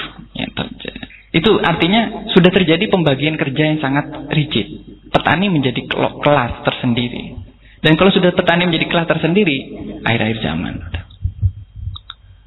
Nah ini kan kalau kita lihat dari tafsirnya, eh, dari kata antum dalam Al-Quran, tahrusun tazra'un, maka Ketika petani itu sudah menjadi kelompok tersendiri, dia berarti terpisah dari modu, modus produksinya yang kolektif. Dan otomatis dia masuk ke dalam fase baru. Dan itu tanda-tanda zaman, itu fitnah, itu zaman fitan kata Rasulullah. Nah, saya e, mendapatkan petunjuk lain dari e, hadis dari perkataannya Sayyidina Umar. Suatu saat Sayyidina Umar itu mengatakan begini. Janganlah kalian bunuh para orang-orang petani. La taqtulu al-fallahin. Janganlah kalian bunuh kaum. Jadi saat itu sudah mulai muncul istilah al-fallahun. Al-fallah ini Al-fallahan ini petani memang, petani tapi sebagai profesi sudah, sebagai kecuali mereka memerangimu katanya katanya Umar.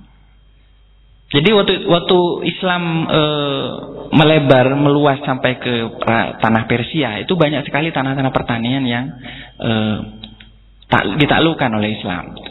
Dan pesannya Sayyidina Umar kepada para jenderalnya, para para tentaranya, janganlah kalian membunuh petaninya. Petaninya dibawa saja. Kalau memang nggak mau masuk Islam, dibiarkan mereka bebas. Janganlah kalian bunuh. Kecuali mereka melawan kamu. Nah itu berarti sudah saat itu sudah mulai ada eh, bentuk-bentuk uh, uh, resistensi dari petani. Dan itu mungkin nyambung dengan ini ya, artinya fadadun ini adalah tanda fitnah. Ya. Ini uh, ini yang ini tentang petani ya. Kemudian terakhir ya tentang nelayan, karena ini sebenarnya dekat dengan dunia pertanian, ya cuman beda beda anu saja. Kalau di rumah saya itu dekat, di sininya orang bertani, di sini nelayan, ya. Ini kita bisa melihat uh, ada satu satu satu pendekatan yang sangat menarik dari Al-Quran. Ini beberapa kosakata Al-Quran yang tentang nelayan, melaut, tajril fulku bi amrih, al-jawaru fil bahri, suaidul bahri. Ya. Nah, yang menarik Al-Quran itu menyebut kegiatan melaut itu bukan dengan melaut, tapi dengan alat produksinya, yaitu al-fulk, yaitu uh, perahu. Kemudian hasil tangkapan melaut ini banyak sekali. Ya soidul bahri wa ta'amuh e, tangkapan laut dan makanannya. Lahman tariya e, daging yang segar. Hilyatan talbisunaha permata yang kamu pakai ma yang faunas sesuatu yang bermanfaat bagi manusia nah, ini di laut mata'an lakum walisayarah sebagai bekal bagimu dalam perjalanan. Nah, yang menarik nomor tiga, nelayan. Nelayan itu ternyata nggak punya nama dalam Al-Quran. Jadi kalau tadi petani punya nama Azuro, ya, Azarion. Nelayan itu nggak punya nama, kecuali e, di satu tempat. Yaitu di dalam surat Al-Kahfi ketika Nabi Khidir dan Nabi Musa itu berjalan. Dalam sebuah riwayat yang sangat terkenal. Dalam sebuah cerita yang sangat terkenal. Dan mereka bertemu dengan yang disebut dengan masaki ya'maluna fil bahr.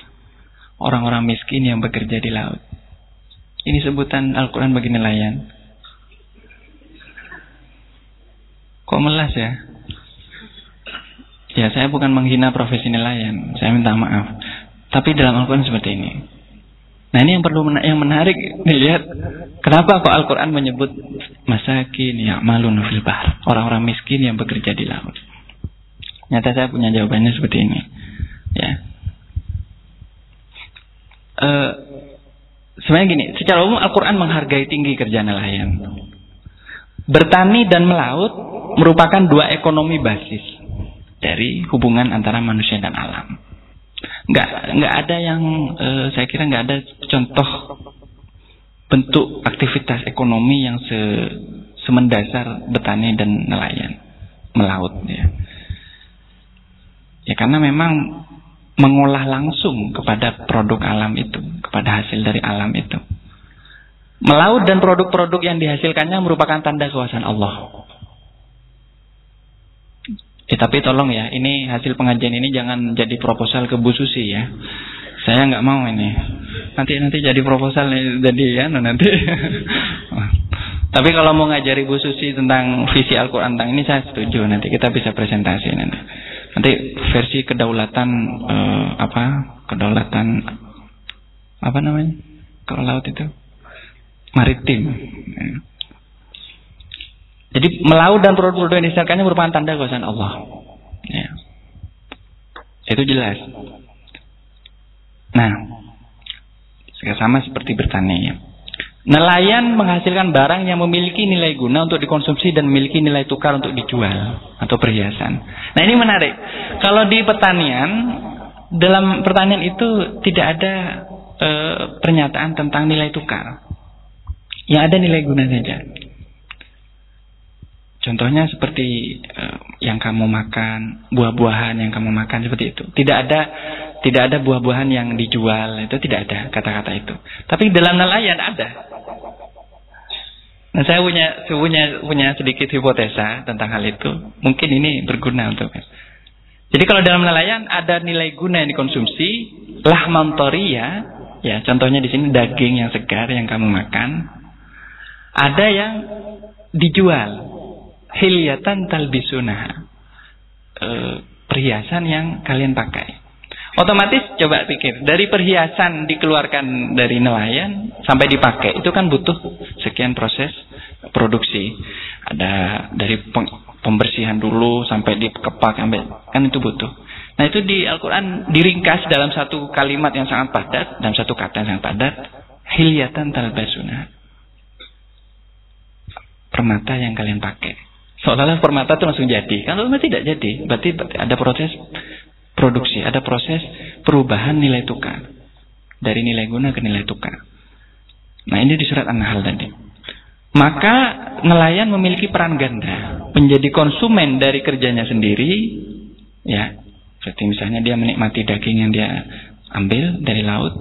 Sekaligus dapat menjadi produsen bagi orang lain melalui transaksi ekonomi. Nah pertanyaannya begini. Apakah dengan menjadi produsen bagi orang lain nelayan menjadi sejahtera? Tidak selamanya. Ternyata di dalam surat Al-Kahfi justru ditunjukkan bahwa kaum nelayan itu adalah orang-orang miskin yang terpaksa harus menjual tenaganya. Mereka harus bekerja kepada orang lain. Jadi pada saat itu sudah nelayan sudah masuk ke dalam relasi yang eksploitatif. Mereka harus mereka adalah orang-orang miskin yang terpaksa harus bekerja menjual tenaganya. Masaki malu nafil bar kepada pemilik alat-alat produksi yang memiliki alat-alat produksi tersebut dengan cara merampasnya dari nelayan. Ya'khudhu kulla safinatin husbah. Ini di dalam ayat-ayat uh, anu saya bacakan ayatnya ya. Ini dahsyat ini ayat ini. Masya Allah. Jadi waktu itu Nabi Khidir kan dimintain alasan oleh Nabi Musa.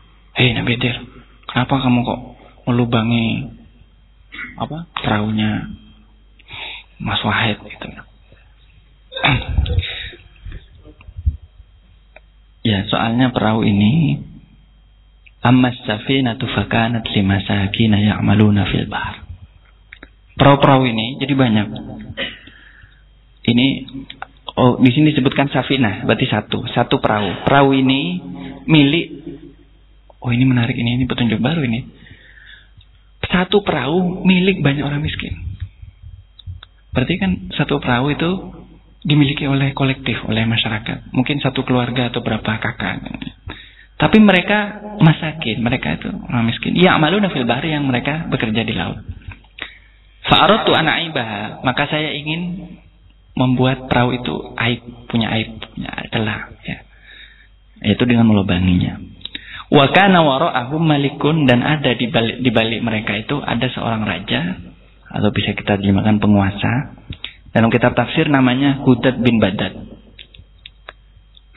Tolong nanti jangan ada yang punya anak namanya ini ya. Pokoknya nama-nama uh, Hudad bin Badad, Fir'aun, Soeharto itu jangan ya.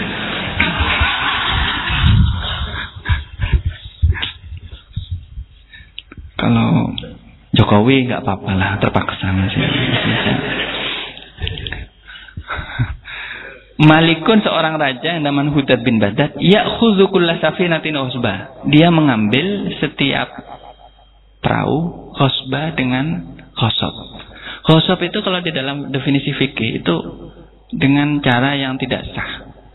Bukan mencuri tapi bisa jadi meminjam tapi tidak pamit. Atau dengan mengklaimnya secara tidak sah. Nah ini saya menerjemahkannya dengan bahasa Marxis itu ekspropriasi. Artinya Malik ini, penguasa ini, raja ini mengambil setiap apa perahu itu. Perahu itu kan alat produksinya kan. Mengambil setiap alat produksi itu dengan paksa dan mengklaimnya sebagai milik dirinya. Artinya petani, ah, nelayan maaf, itu di, di, dirampas, diasingkan dari alat produksinya sendiri. Sehingga mereka akhirnya menjadi masakin, jadi miskin. Maka cara Nabi Khidir, ah, dalam potret Al-Quran tentang nelayan, kita mendapatkan potret akumulasi primitif dari masuknya relasi kapitalistik dalam bentuk komodifikasi atas hasil-hasil tangkapan.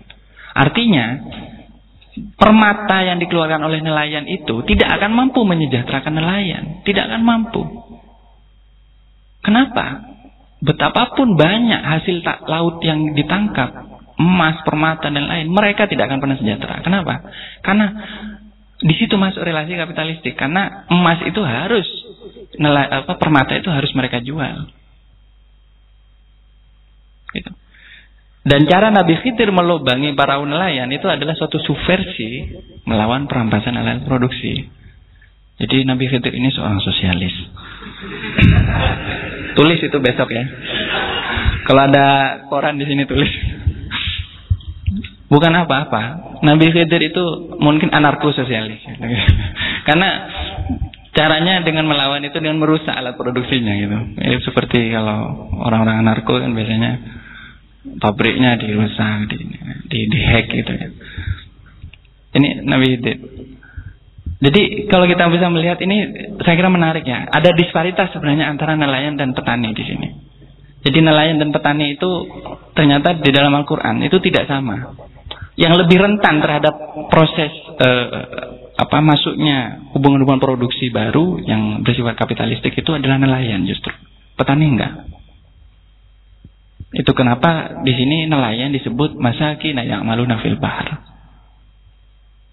Ya. Itu saja mungkin beberapa uh, paparan dari saya. Uh, tentu ini masih sangat terbuka untuk kita kembangkan ya.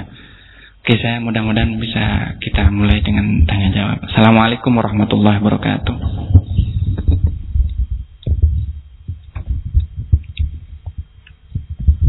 Silahkan kalau ada yang ingin menanggapi pertanyaan atau uh, apa pun terkait dengan yang sudah disampaikan oleh Gus Monggo, silahkan. Masih memikirkan apa yang ingin ditanyakan. Oh, monggo Mas.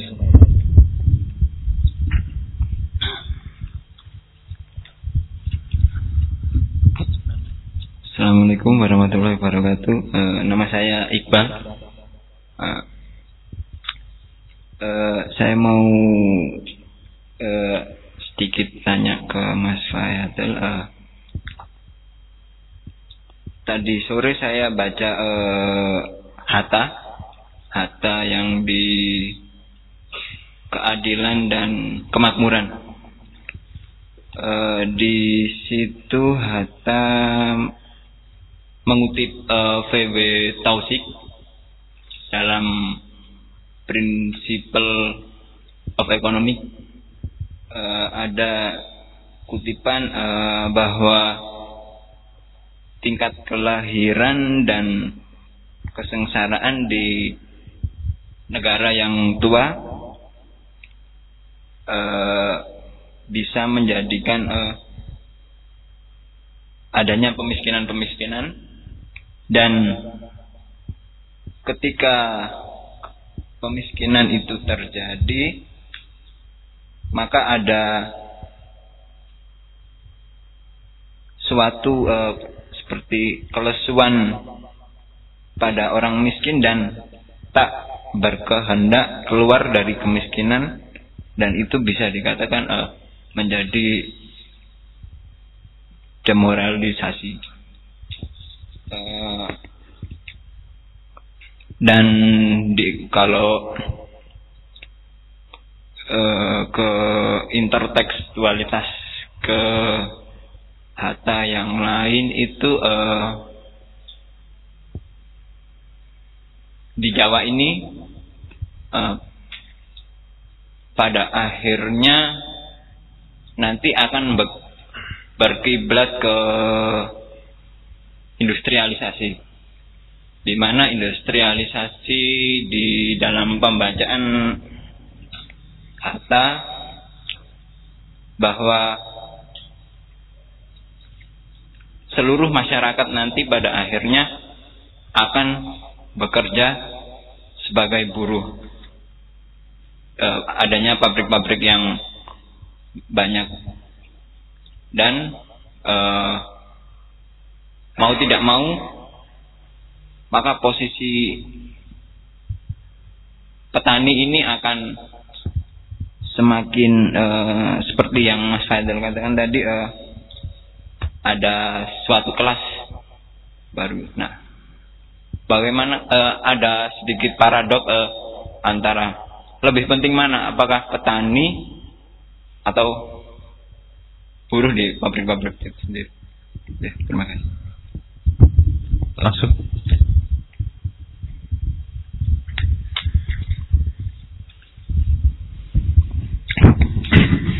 Bismillahirrahmanirrahim. Assalamualaikum warahmatullahi wabarakatuh. Ya, perkenalkan nama saya Nasruddin Ali dari Sulawesi Selatan. Kuliah di UIN jurusan filsafat. Terima kasih atas kesempatan yang diberikan kepada saya. Uh, sebelum saya bertanya, saya mau juga ini apa mau komentar sedikit tentang uh, buku, buku yang pernah saya baca dari eh, Mas Fayad ini tentang teologi negatif itu tapi mungkin gak ada hubungannya ini. Saya hanya ingin merespon bahwa bukunya sangat menegangkan dan membuat saya negatif sampai saat ini. Eh, Oke, okay.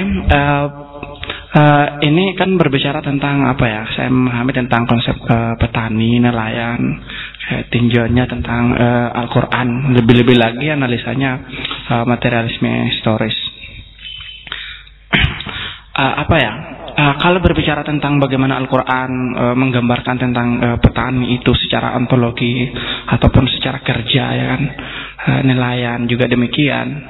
Lalu kita hari ini mau memahami Al-Quran itu dengan pendekatan tertentu mungkin uh, akan membutuhkan suatu analisa tersendiri yang kalau saya melihat uh, analisa Mas Pait ini berbeda dengan uh, para uh, apa ya penafsir Islam yang klasik ya kan. Jadi kalau di Indonesia mungkin ada lagi mazhab baru yang akan didirikan Mas Payet dengan mazhab hermeneutika Al-Quran gitu. Tapi hermeneutikanya hermeneutika materialisme dialektika gitu.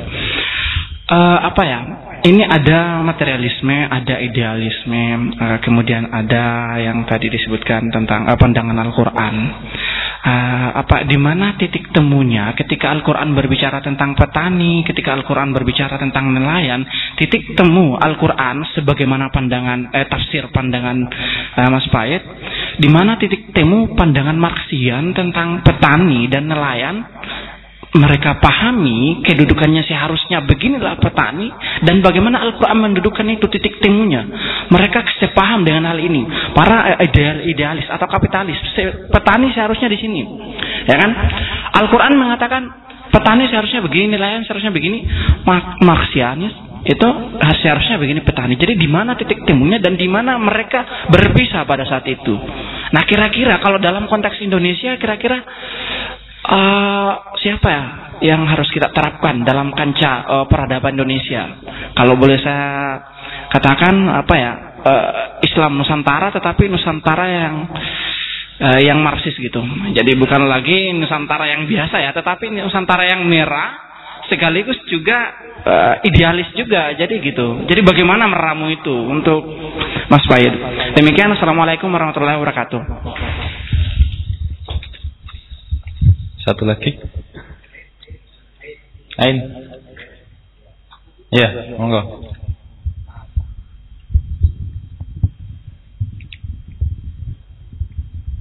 Ini yang punya masjid.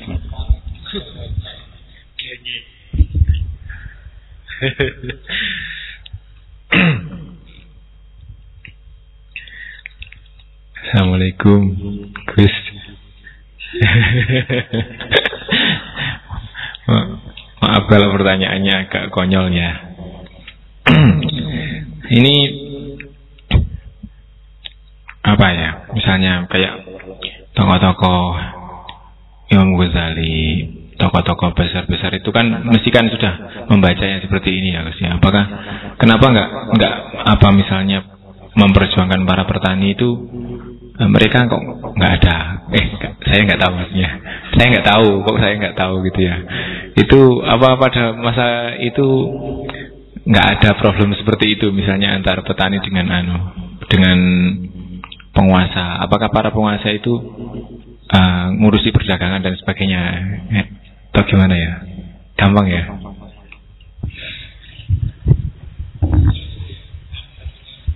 Iya, imam-imam besar kok tidak ber, berbicara tentang masalah petani kerja. Kayak kayak di sini di apa ya kayak seperti petani saya tangkap malam ini seperti seseorang uh, bagian bagian masyarakat yang terpinggirkan gitu ya. Uh, yang harus diperjuangkan. Mesti, mesti apa kenapa tokoh-tokoh waktu itu kok nggak ada misalnya seperti itu gitu oke makasih mas Oke.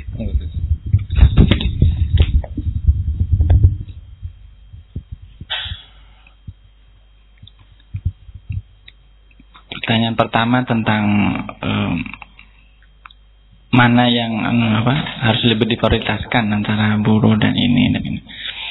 Itu sebenarnya dalam perdebatan studi agraria itu karena saya juga sebenarnya baru belajar tentang perusahaan seperti itu. Itu kan ada yang apa ada mazhab e, neopopulis, ada mazhab yang marxis, yang leninis ya. Yang mengatakan kalau neopopulis itu ya kita harus e, mengutamakan e, modus agraris yang itu lebih lebih mampu menjamin uh, apa kemaslahatan atau kebaikan bagi bagi banyak para banyak petani. Tapi kalau mau mengikuti salah satu apa aliran mahasiswa yang ortodoks itu yang ortodoks dalam arti yang pra masih zaman-zaman perang dunia itu ya bukan yang kontemporer itu maka pertumbuhan harus di, di, di, didorong sampai kepada arah revolusi industri. Nah, karena sampai tadi mengutip tentang Bung Hatta, saya akan sedikit uh, melihat dalam konteks sejarah ilmu sosial, dalam konteks ilmu sosial saja, sebelum kita mungkin masuk kepada Al-Quran. Kalau kita lihat memang uh, cara berpikir neopopulis itu saya kira yang sekarang lebih banyak diikuti di Indonesia ternyata melalui madhab uh, Sayogyo uh, dan madhab-madhab ITB apa IPB maaf IPB Institut Pertanian Bogor. Itu memang mensyaratkan adanya ke kedaulatan di bidang pertanian ya. Dan itu lebih lebih cocok memang.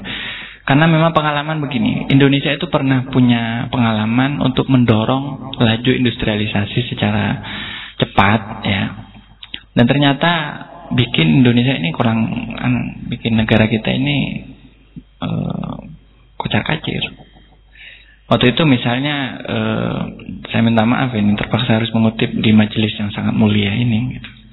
Misalnya uh, Aidit misalnya. Dan dulu tokoh-tokoh dari Partai Komunis Indonesia itu mendorong untuk segera angkatan tani dan buruh itu segera mencapai kematangannya gitu ya. Yang kematangannya tentu dalam konteks uh, uh, capaian uh, dalam konteks fase kapitalisme industrial. Padahal waktu itu belum siap, belum siap. Ya ibaratnya buah belum belum matang, kalau sudah diambil duluan yang terjadi adalah e, buah itu hanya sia-sia dan itulah kenapa revolusi e, proletariat di Indonesia itu akhirnya e, pecah sebelum waktunya maksudnya gitu ya. Maksudnya mengalami kegagalan yang luar biasa dengan peristiwa 65 itu. Itu kan salah satunya karena ada faktor kelas petani dan kelas buruh itu mau diformalisasi, mau di dibentuk sebagai satu kelas yang su sudah otomatis siap sebagai pemangku, sebagai pengawal dari revolusi. Padahal belum. Nah, itu uh, itu ya, itu alasan saya kira Nah, waktu itu modelnya adalah Soviet. Karena Soviet setelah uh, mengalami revolusi Bolshevik tahun 1912 itu yang awalnya modus produksinya itu agraris, uh, feodalistik ya dengan tuan tanah dan seterusnya, kemudian langsung mau di, diubah kepada industri melalui kolektivisasi hasil melalui kolektivisasi pertanian. Jadi waktu itu Soviet pertanian di dikolektivisasi, tapi dikelola oleh negara, tidak boleh ada hak milik. Dan itu makanya sistem model komunis lama kan seperti itu, yang masih sangat etatik, sangat state ya, sangat. Uh, jadi semuanya dikelola oleh negara, tidak boleh ada hak milik dan pada itu petani hanya uh, bekerja dan mereka akan mendapatkan upah ya atau bagian sesuai dengan kerjanya dan seterusnya. Ternyata itu menimbulkan banyak persoalan. Ya. Itu sebabnya di e, Soviet kemudian akhirnya jatuh kepada birokratisasi kan, akhirnya rezim Stalinis yang akhirnya membunuh komunisme itu sendiri. Kemudian di Cina juga ketika digenjot kepada revolusi industri, justru terjadi adalah jutaan orang kelaparan. Waktu itu kolektivisasi juga mau menerapkan eh, apa pertanian itu tidak boleh dimiliki oleh siapa pun, itu negara yang memiliki. Ya, orang hanya bekerja di situ. Ya. Alat produksi itu dimiliki oleh negara. Ya. Itu. Itu sistem komunis yang waktu itu diterapkan oleh Mao. Dan waktu itu juga mengalami kegagalan karena ternyata melalui termasuk waktu itu melalui e, peningkatan kapasitas teknologinya ya mengalami kegagalan. Dalam arti jutaan orang lah, e, kelaparan bahkan meninggal di di di bawah pemerintahan Mao itu sisi gelap dari pemerintahnya Mao terlepas dari sejumlah keberhasilannya. Kemudian e, apa petani juga menjadi e, menjadi kelas yang tertindas juga. Jadi ini saya paradoks ya, satu ironi justru kelas tertindas di, di bawah rezim komunis yang sebenarnya ingin membebaskan petani ini. Nah ternyata memang kalau kita lihat kalau kita mau menggenjot ya model kelas buruh harus di, dimajukan sampai kepada tahap. Ini kan model-model apa marxisme ortodoks yang yang yang ditiru dari pengalaman Soviet. Itu ternyata yang terjadi adalah justru kapitalisasi luar biasa. Dan itu kesengsaraan semakin menjadi-jadi gitu Nah Indonesia kan waktu itu akhirnya tahun eh, apa Indonesia kan mencoba menempuh jalur yang berbeda. Sebenarnya Bung Karno itu nggak memakai jalur itu. Bung Karno itu agak dekat dengan eh, kecenderungan neopopulis. Walaupun Bung Karno setuju dengan pembentukan angkatan kelima, ya, angkatan petani dan buruh yang progresif dan revolusioner. Bung Karno setuju. Makanya Bung Karno dituduh komunis di situ. Tapi Bung Karno setuju, cuma cara penyelesaiannya Bung Karno nggak setuju. Dalam arti Indonesia jangan digenjot langsung ke revolusi industri karena belum siap. Kita harus melalui proses berdikari dulu di bidang e, pangan, di bidang sandang pangan dan seterusnya. Waktu itu Bung Karno membayangkan adanya integra, in, apa e, sinergi antara ekonomi kota dan desa. Ya. Jadi sebenarnya yang bagus ya sinergi antara buruh dan petani itu sinergi. Walaupun memang modus produksinya ya termasuk kalau tadi istilahnya formasi sosialnya berbeda. Ya tapi sinergi dalam arti apa? Mereka yang sama-sama mengalami problem eksploitasi walaupun mungkin satunya feodal feodalistik, satunya itu masih masih satunya itu kapitalistik, itu harus sama-sama sinergi. Sehingga eh, di situ terjadi semacam pertemuan lintas kelas gitu, lintas golongan gitu. Dan itu akan muncul satu solidaritas. Nah itu kalau saya kira itu saya kira memang saat ini masih masih sangat sulit terjadi karena memang kesadaran. Contohnya saja, ini memang benar ya kasus yang sampai angkat ini menarik.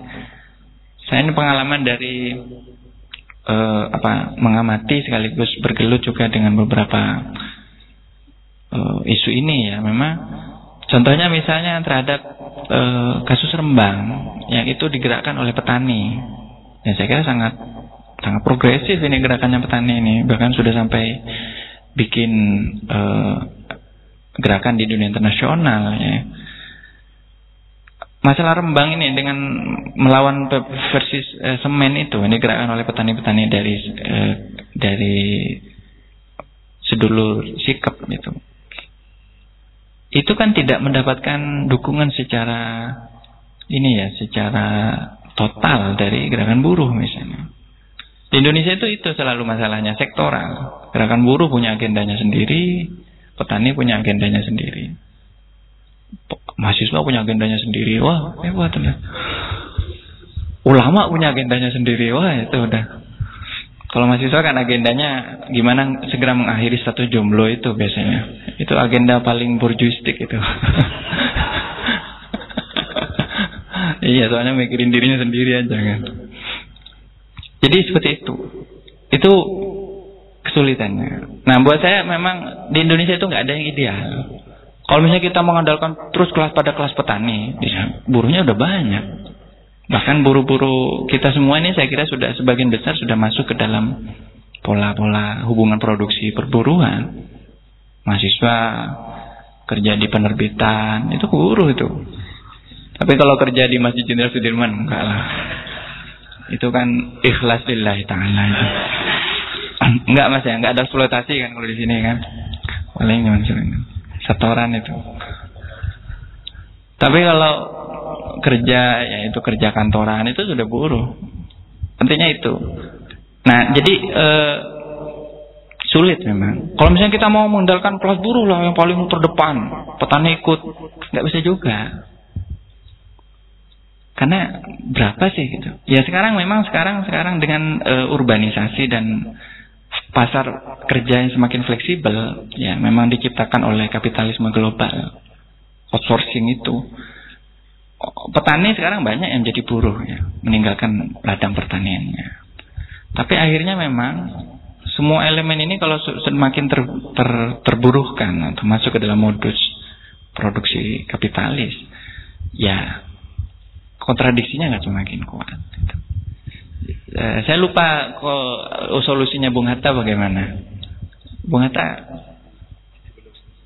ngambang juga ya, ya masih ngambang juga karena lebih pada analisis ya itu bukan. Nah, soal yang kedua soal uh, titik temu dan titik pisahnya begini. Saya sebenarnya tidak sedang menjadi temu, tapi mencoba melihat apakah uh, konsepsi Al-Quran tentang petani itu ada dan memang e, bisa kita lacak secara ilmiah ya melalui pendekatan ini. Sebenarnya kalau dari misalnya dari Al-Quran sendiri tidak ada semacam petunjuk yang jelas bahwa petani harus seperti ini, tidak ada. Karena kalau seperti itu nanti jadi syariat. Padahal perkembangan masyarakat itu bukan syariat. Ya perkembangan masyarakat itu ya harus dinamis, nggak bisa mengikuti logika syariat yang yang itu hitam putih. Kalau syariat hitam putih, sholat lima waktu, sholat lima waktu, jangan besoknya lima waktu, besok lusanya dua waktu, besok lusanya satu waktu. Ya itu enak kalau gitu namanya. Itu. Jadi tidak ada di dalam Al-Quran itu kemudian bahwa Al-Quran e, petani itu yang ideal adalah seperti ini, nggak ada. Saya sudah mencoba meneliti itu. Ya mudah-mudahan nanti kalau anda menemukan yang berbeda, mari kita kita komparasikan. Apalagi nelayan, bahwa nelayan seperti misalnya gini, penggambaran Al-Qur'an tentang nelayan sebagai masakin ya'maluna fil bahar, orang-orang miskin yang bekerja di laut. Itu kan bukan berarti bahwa wah memang seharusnya begitulah nelayan. Ini kacau kalau Justru kita harus menangkap kenapa kok Al-Quran menyebut seperti itu. Ya, Al-Quran itu bukan 100% isinya perintah, bukan. Kita sudah bahas itu di pertemuan-pertemuan awal. Al-Quran itu sebagian adalah khobar dan ikhbar. Al-Quran itu adalah sebagian penggambaran, deskripsi. Sebagian. Sebagian perintah ada. Kalau perintah itu diungkapkan dengan kata-kata yang jelas. Ada amar dan nahi. Ya. Kalau itu bukan. Kalau saya ada pernyataan, jadilah kamu petani seperti ini. Wah itu langsung jadi mutu itu kalau bahasa saya. Enak kalau kayak gitu. Sebenarnya enak. Nah, saya sebenarnya berharap, wah kalau ada syariat khusus tentang petani, oh jadilah kamu petani, wah bagus. Tapi kan tidak seperti itu. Tidak semua orang juga mungkin e, bertani, karena kapasitas orang berbeda-beda kan. Jadi di sini e, Al-Quran saya kira sangat demokratis ya. Justru yang perlu kita lihat itu adalah bagaimana Al-Quran menggambarkan situasi itu. Tentu itu tidak tidak secara langsung kita bisa temukan kecuali melalui pembacaan e, tertentu. Begitu juga saya kira tidak ada di dalam konteks Marxisme itu bahwa petani itu seperti itu. Karena Marxisme itu sebenarnya e, memang punya dua aspek Marxisme itu ya. Ada aspek analitisnya, ada aspek e, semacam seruannya gitu ya. Aspek ideologisnya. Aspek ideologisnya ini memang bisa kita lihat sebagai semacam seruan bahwa kelas petani harus maju, harus ini misalnya. Tapi tidak ada karena Khusus kalau kalau yang analisisnya eh, Marx sendiri itu lebih pada ini apa formasi sosial pada konteks kapitalis. Jadi lebih pada kelas buruh sebenarnya. Tentang masalah buruh dan pekerja, khususnya saya menyebutnya pekerja upahan.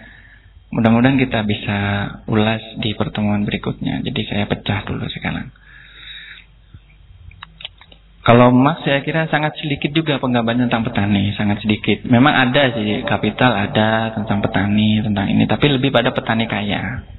Itu. Jadi, itu pun itu juga analisis, bukan perintah oh harus jadi petani, petani Marxis seperti apa, enggak ada. Apalagi petani Nusantara Marxis itu enggak ada itu. ya ada ya petani-petani gitu aja. Nanti dilihat eh, hubungan produksinya apa, daya produktifnya apa yang berkembang dan seterusnya gitu. Jadi tidak ada itu. Kalau saya menemukan, saya nggak tahu kalau kalau anda menemukan semacam penggambaran yang ideal yang maksud. Kalau di zamannya mau memang ada semacam cita-cita atau propaganda tentang petani yang revolusioner tentang itu. Dan itu memang ada di kalangan gerakan petani ada. Tapi itu kan apa penggambaran itu kan sebenarnya muncul dari permasalahan yang terjadi Gitu. Permasalahan apa yang terjadi? Ya karena waktu itu dibutuhkan satu dorongan untuk memunculkan figur petani yang e, revolusioner sebagai penggerak dari revolusi e, revolusinya Mao saat itu. Mao sebenarnya sangat mengidealkan petani, tapi sekarang ironisnya justru Mao itu dipakai untuk mem mem mematikan para petani di Cina sekarang. Saya kemarin melihat sebuah berita, membaca sebuah berita di koran, ada sebuah patung besar, patung raksasa, dan itu terbuat dari emas. Itu dibangun di tengah dunia, di tengah lahan pertanian di, di Cina. Padahal di Cina hari ini banyak jutaan orang ya itu tidak memiliki pekerjaan. Makanya sekarang pekerja Cina sebagian itu masuk ke Indonesia, sebagian itu karena memang mereka di sana lahan-lahannya itu habis. Jadi jadi ini juga ironis. Makanya saya saya sangat sangat kita harus sangat sinis dan nah, kritis ya, sinis sekali kritis terhadap propaganda-propaganda seperti itu. Karena gini, kapitalis itu kapitalisme itu menggunakan komunisme apa atau apa pun itu sebagai tameng untuk ini. PKC itu Partai Komunis Cina, PKT Partai Komunis Tiongkok itu partai kapitalis Tiongkok, bukan partai komunis. Makanya ya kalau ada orang ngomong oh Jokowi itu kerjasama dengan PKT, oh kan Jokowi komunis, komunis dari mana? Yang gusur petani macam-macam kan. Nggak mungkin itu. Jadi itu. Ya sama kalau di Indonesia misalnya Bung Karno dipakai propaganda untuk saya tuh pernah ini maaf kemarin hari raya lewat di daerah di sidoarjo.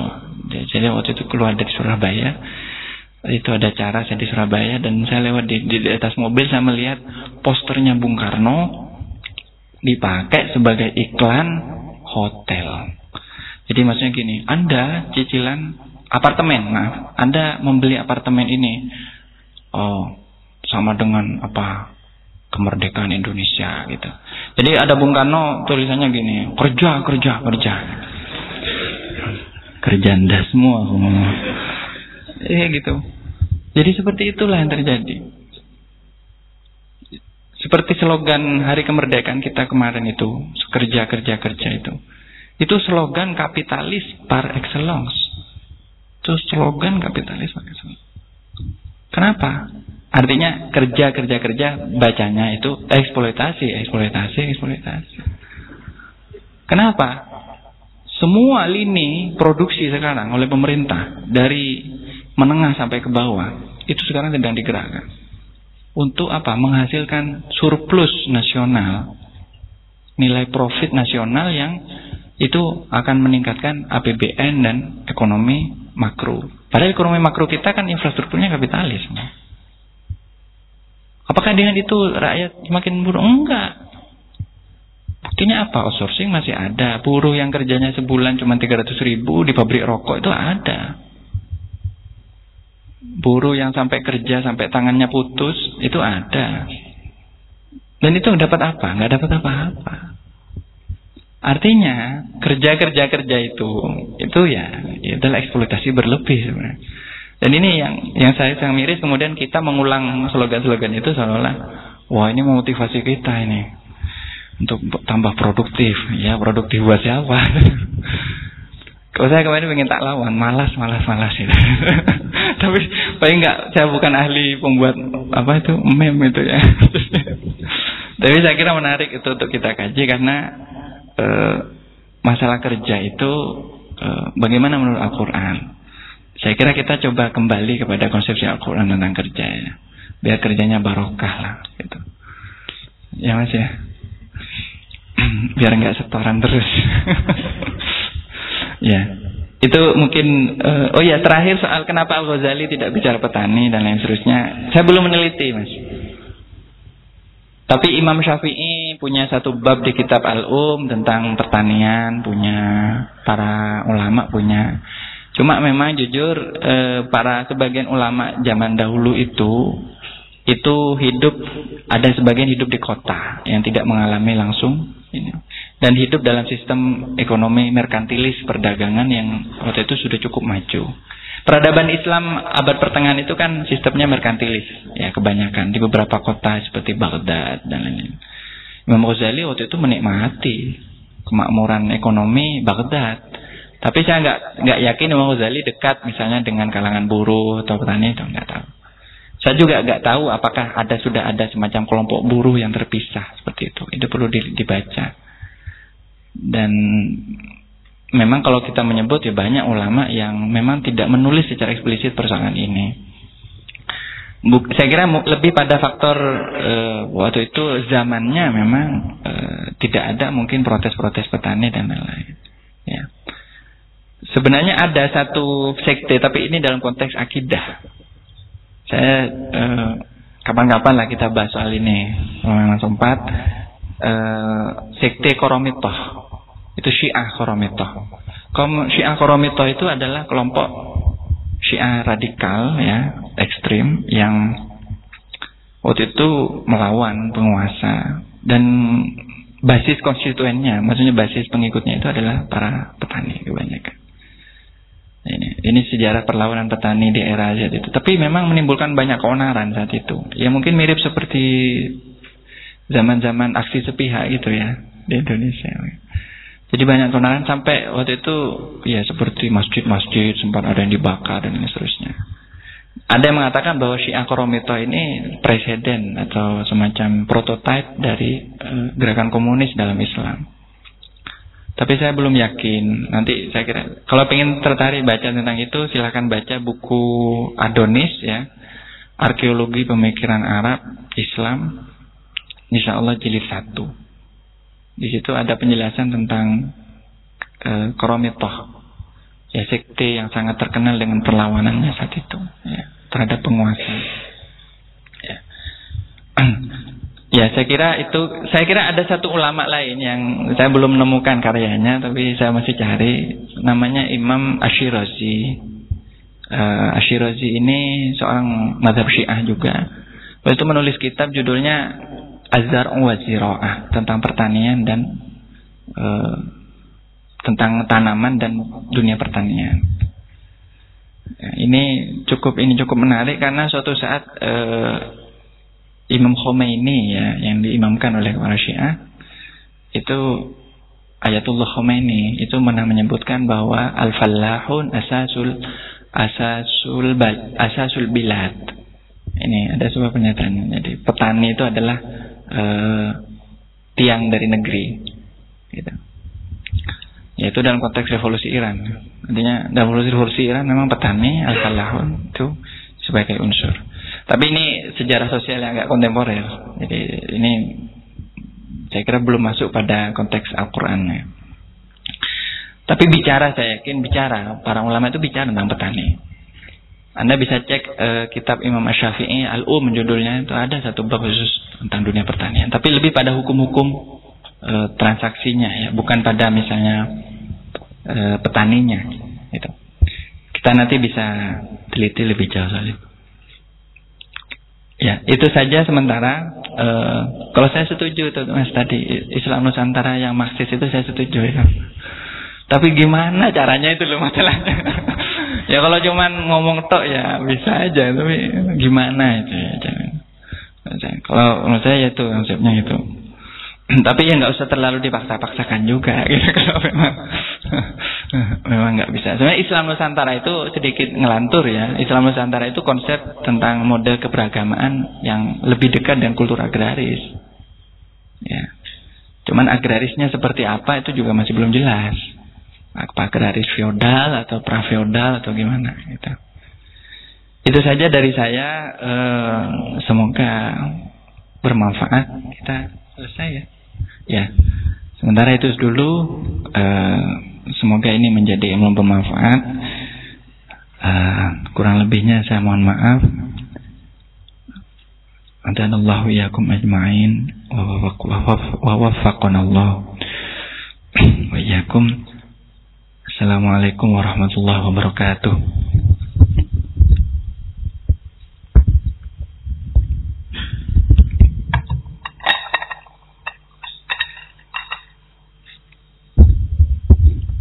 Terima kasih kami sampaikan kepada Gus Fayat yang sudah menyampaikan banyak materi untuk malam hari ini. Kita lanjut untuk diskusi dengan beliau minggu eh, minggu depan, bulan depan. Untuk tanggal dan waktunya masih bisa kita negosiasikan. Masih tergantung bisanya Gus Fayat dan lowongnya waktu kegiatan di Masjid Jenderal Sudirman. Untuk informasi, mungkin bagi teman-teman yang ingin ikut ngaji filsafat, kami adakan setiap Rabu malam, malam Rabu besok, kemudian ngaji bersama Cak Kuswaidi tanggal 8 besok malam Jumat. Itu untuk minggu ini ngaji di Masjid Jenderal Sudirman. Untuk malam hari ini juga ada. Kalau ingin teman-teman ingin setoran Mujahadahan ada sholat malam Bersama teman-teman takmir bisa Mengikuti setelah ini. Langsung bisa sholat malam bersama-sama. Oke kita akhiri ngaji kita malam hari ini sama-sama membaca Alhamdulillah. Alhamdulillahirrahmanirrahim Kurang dan lebihnya kami mohon maaf. Saya akhiri. Assalamualaikum warahmatullahi wabarakatuh. Mohon untuk kelasnya bisa di amankan biar tidak terjadi eksploitasi sampai pecah dan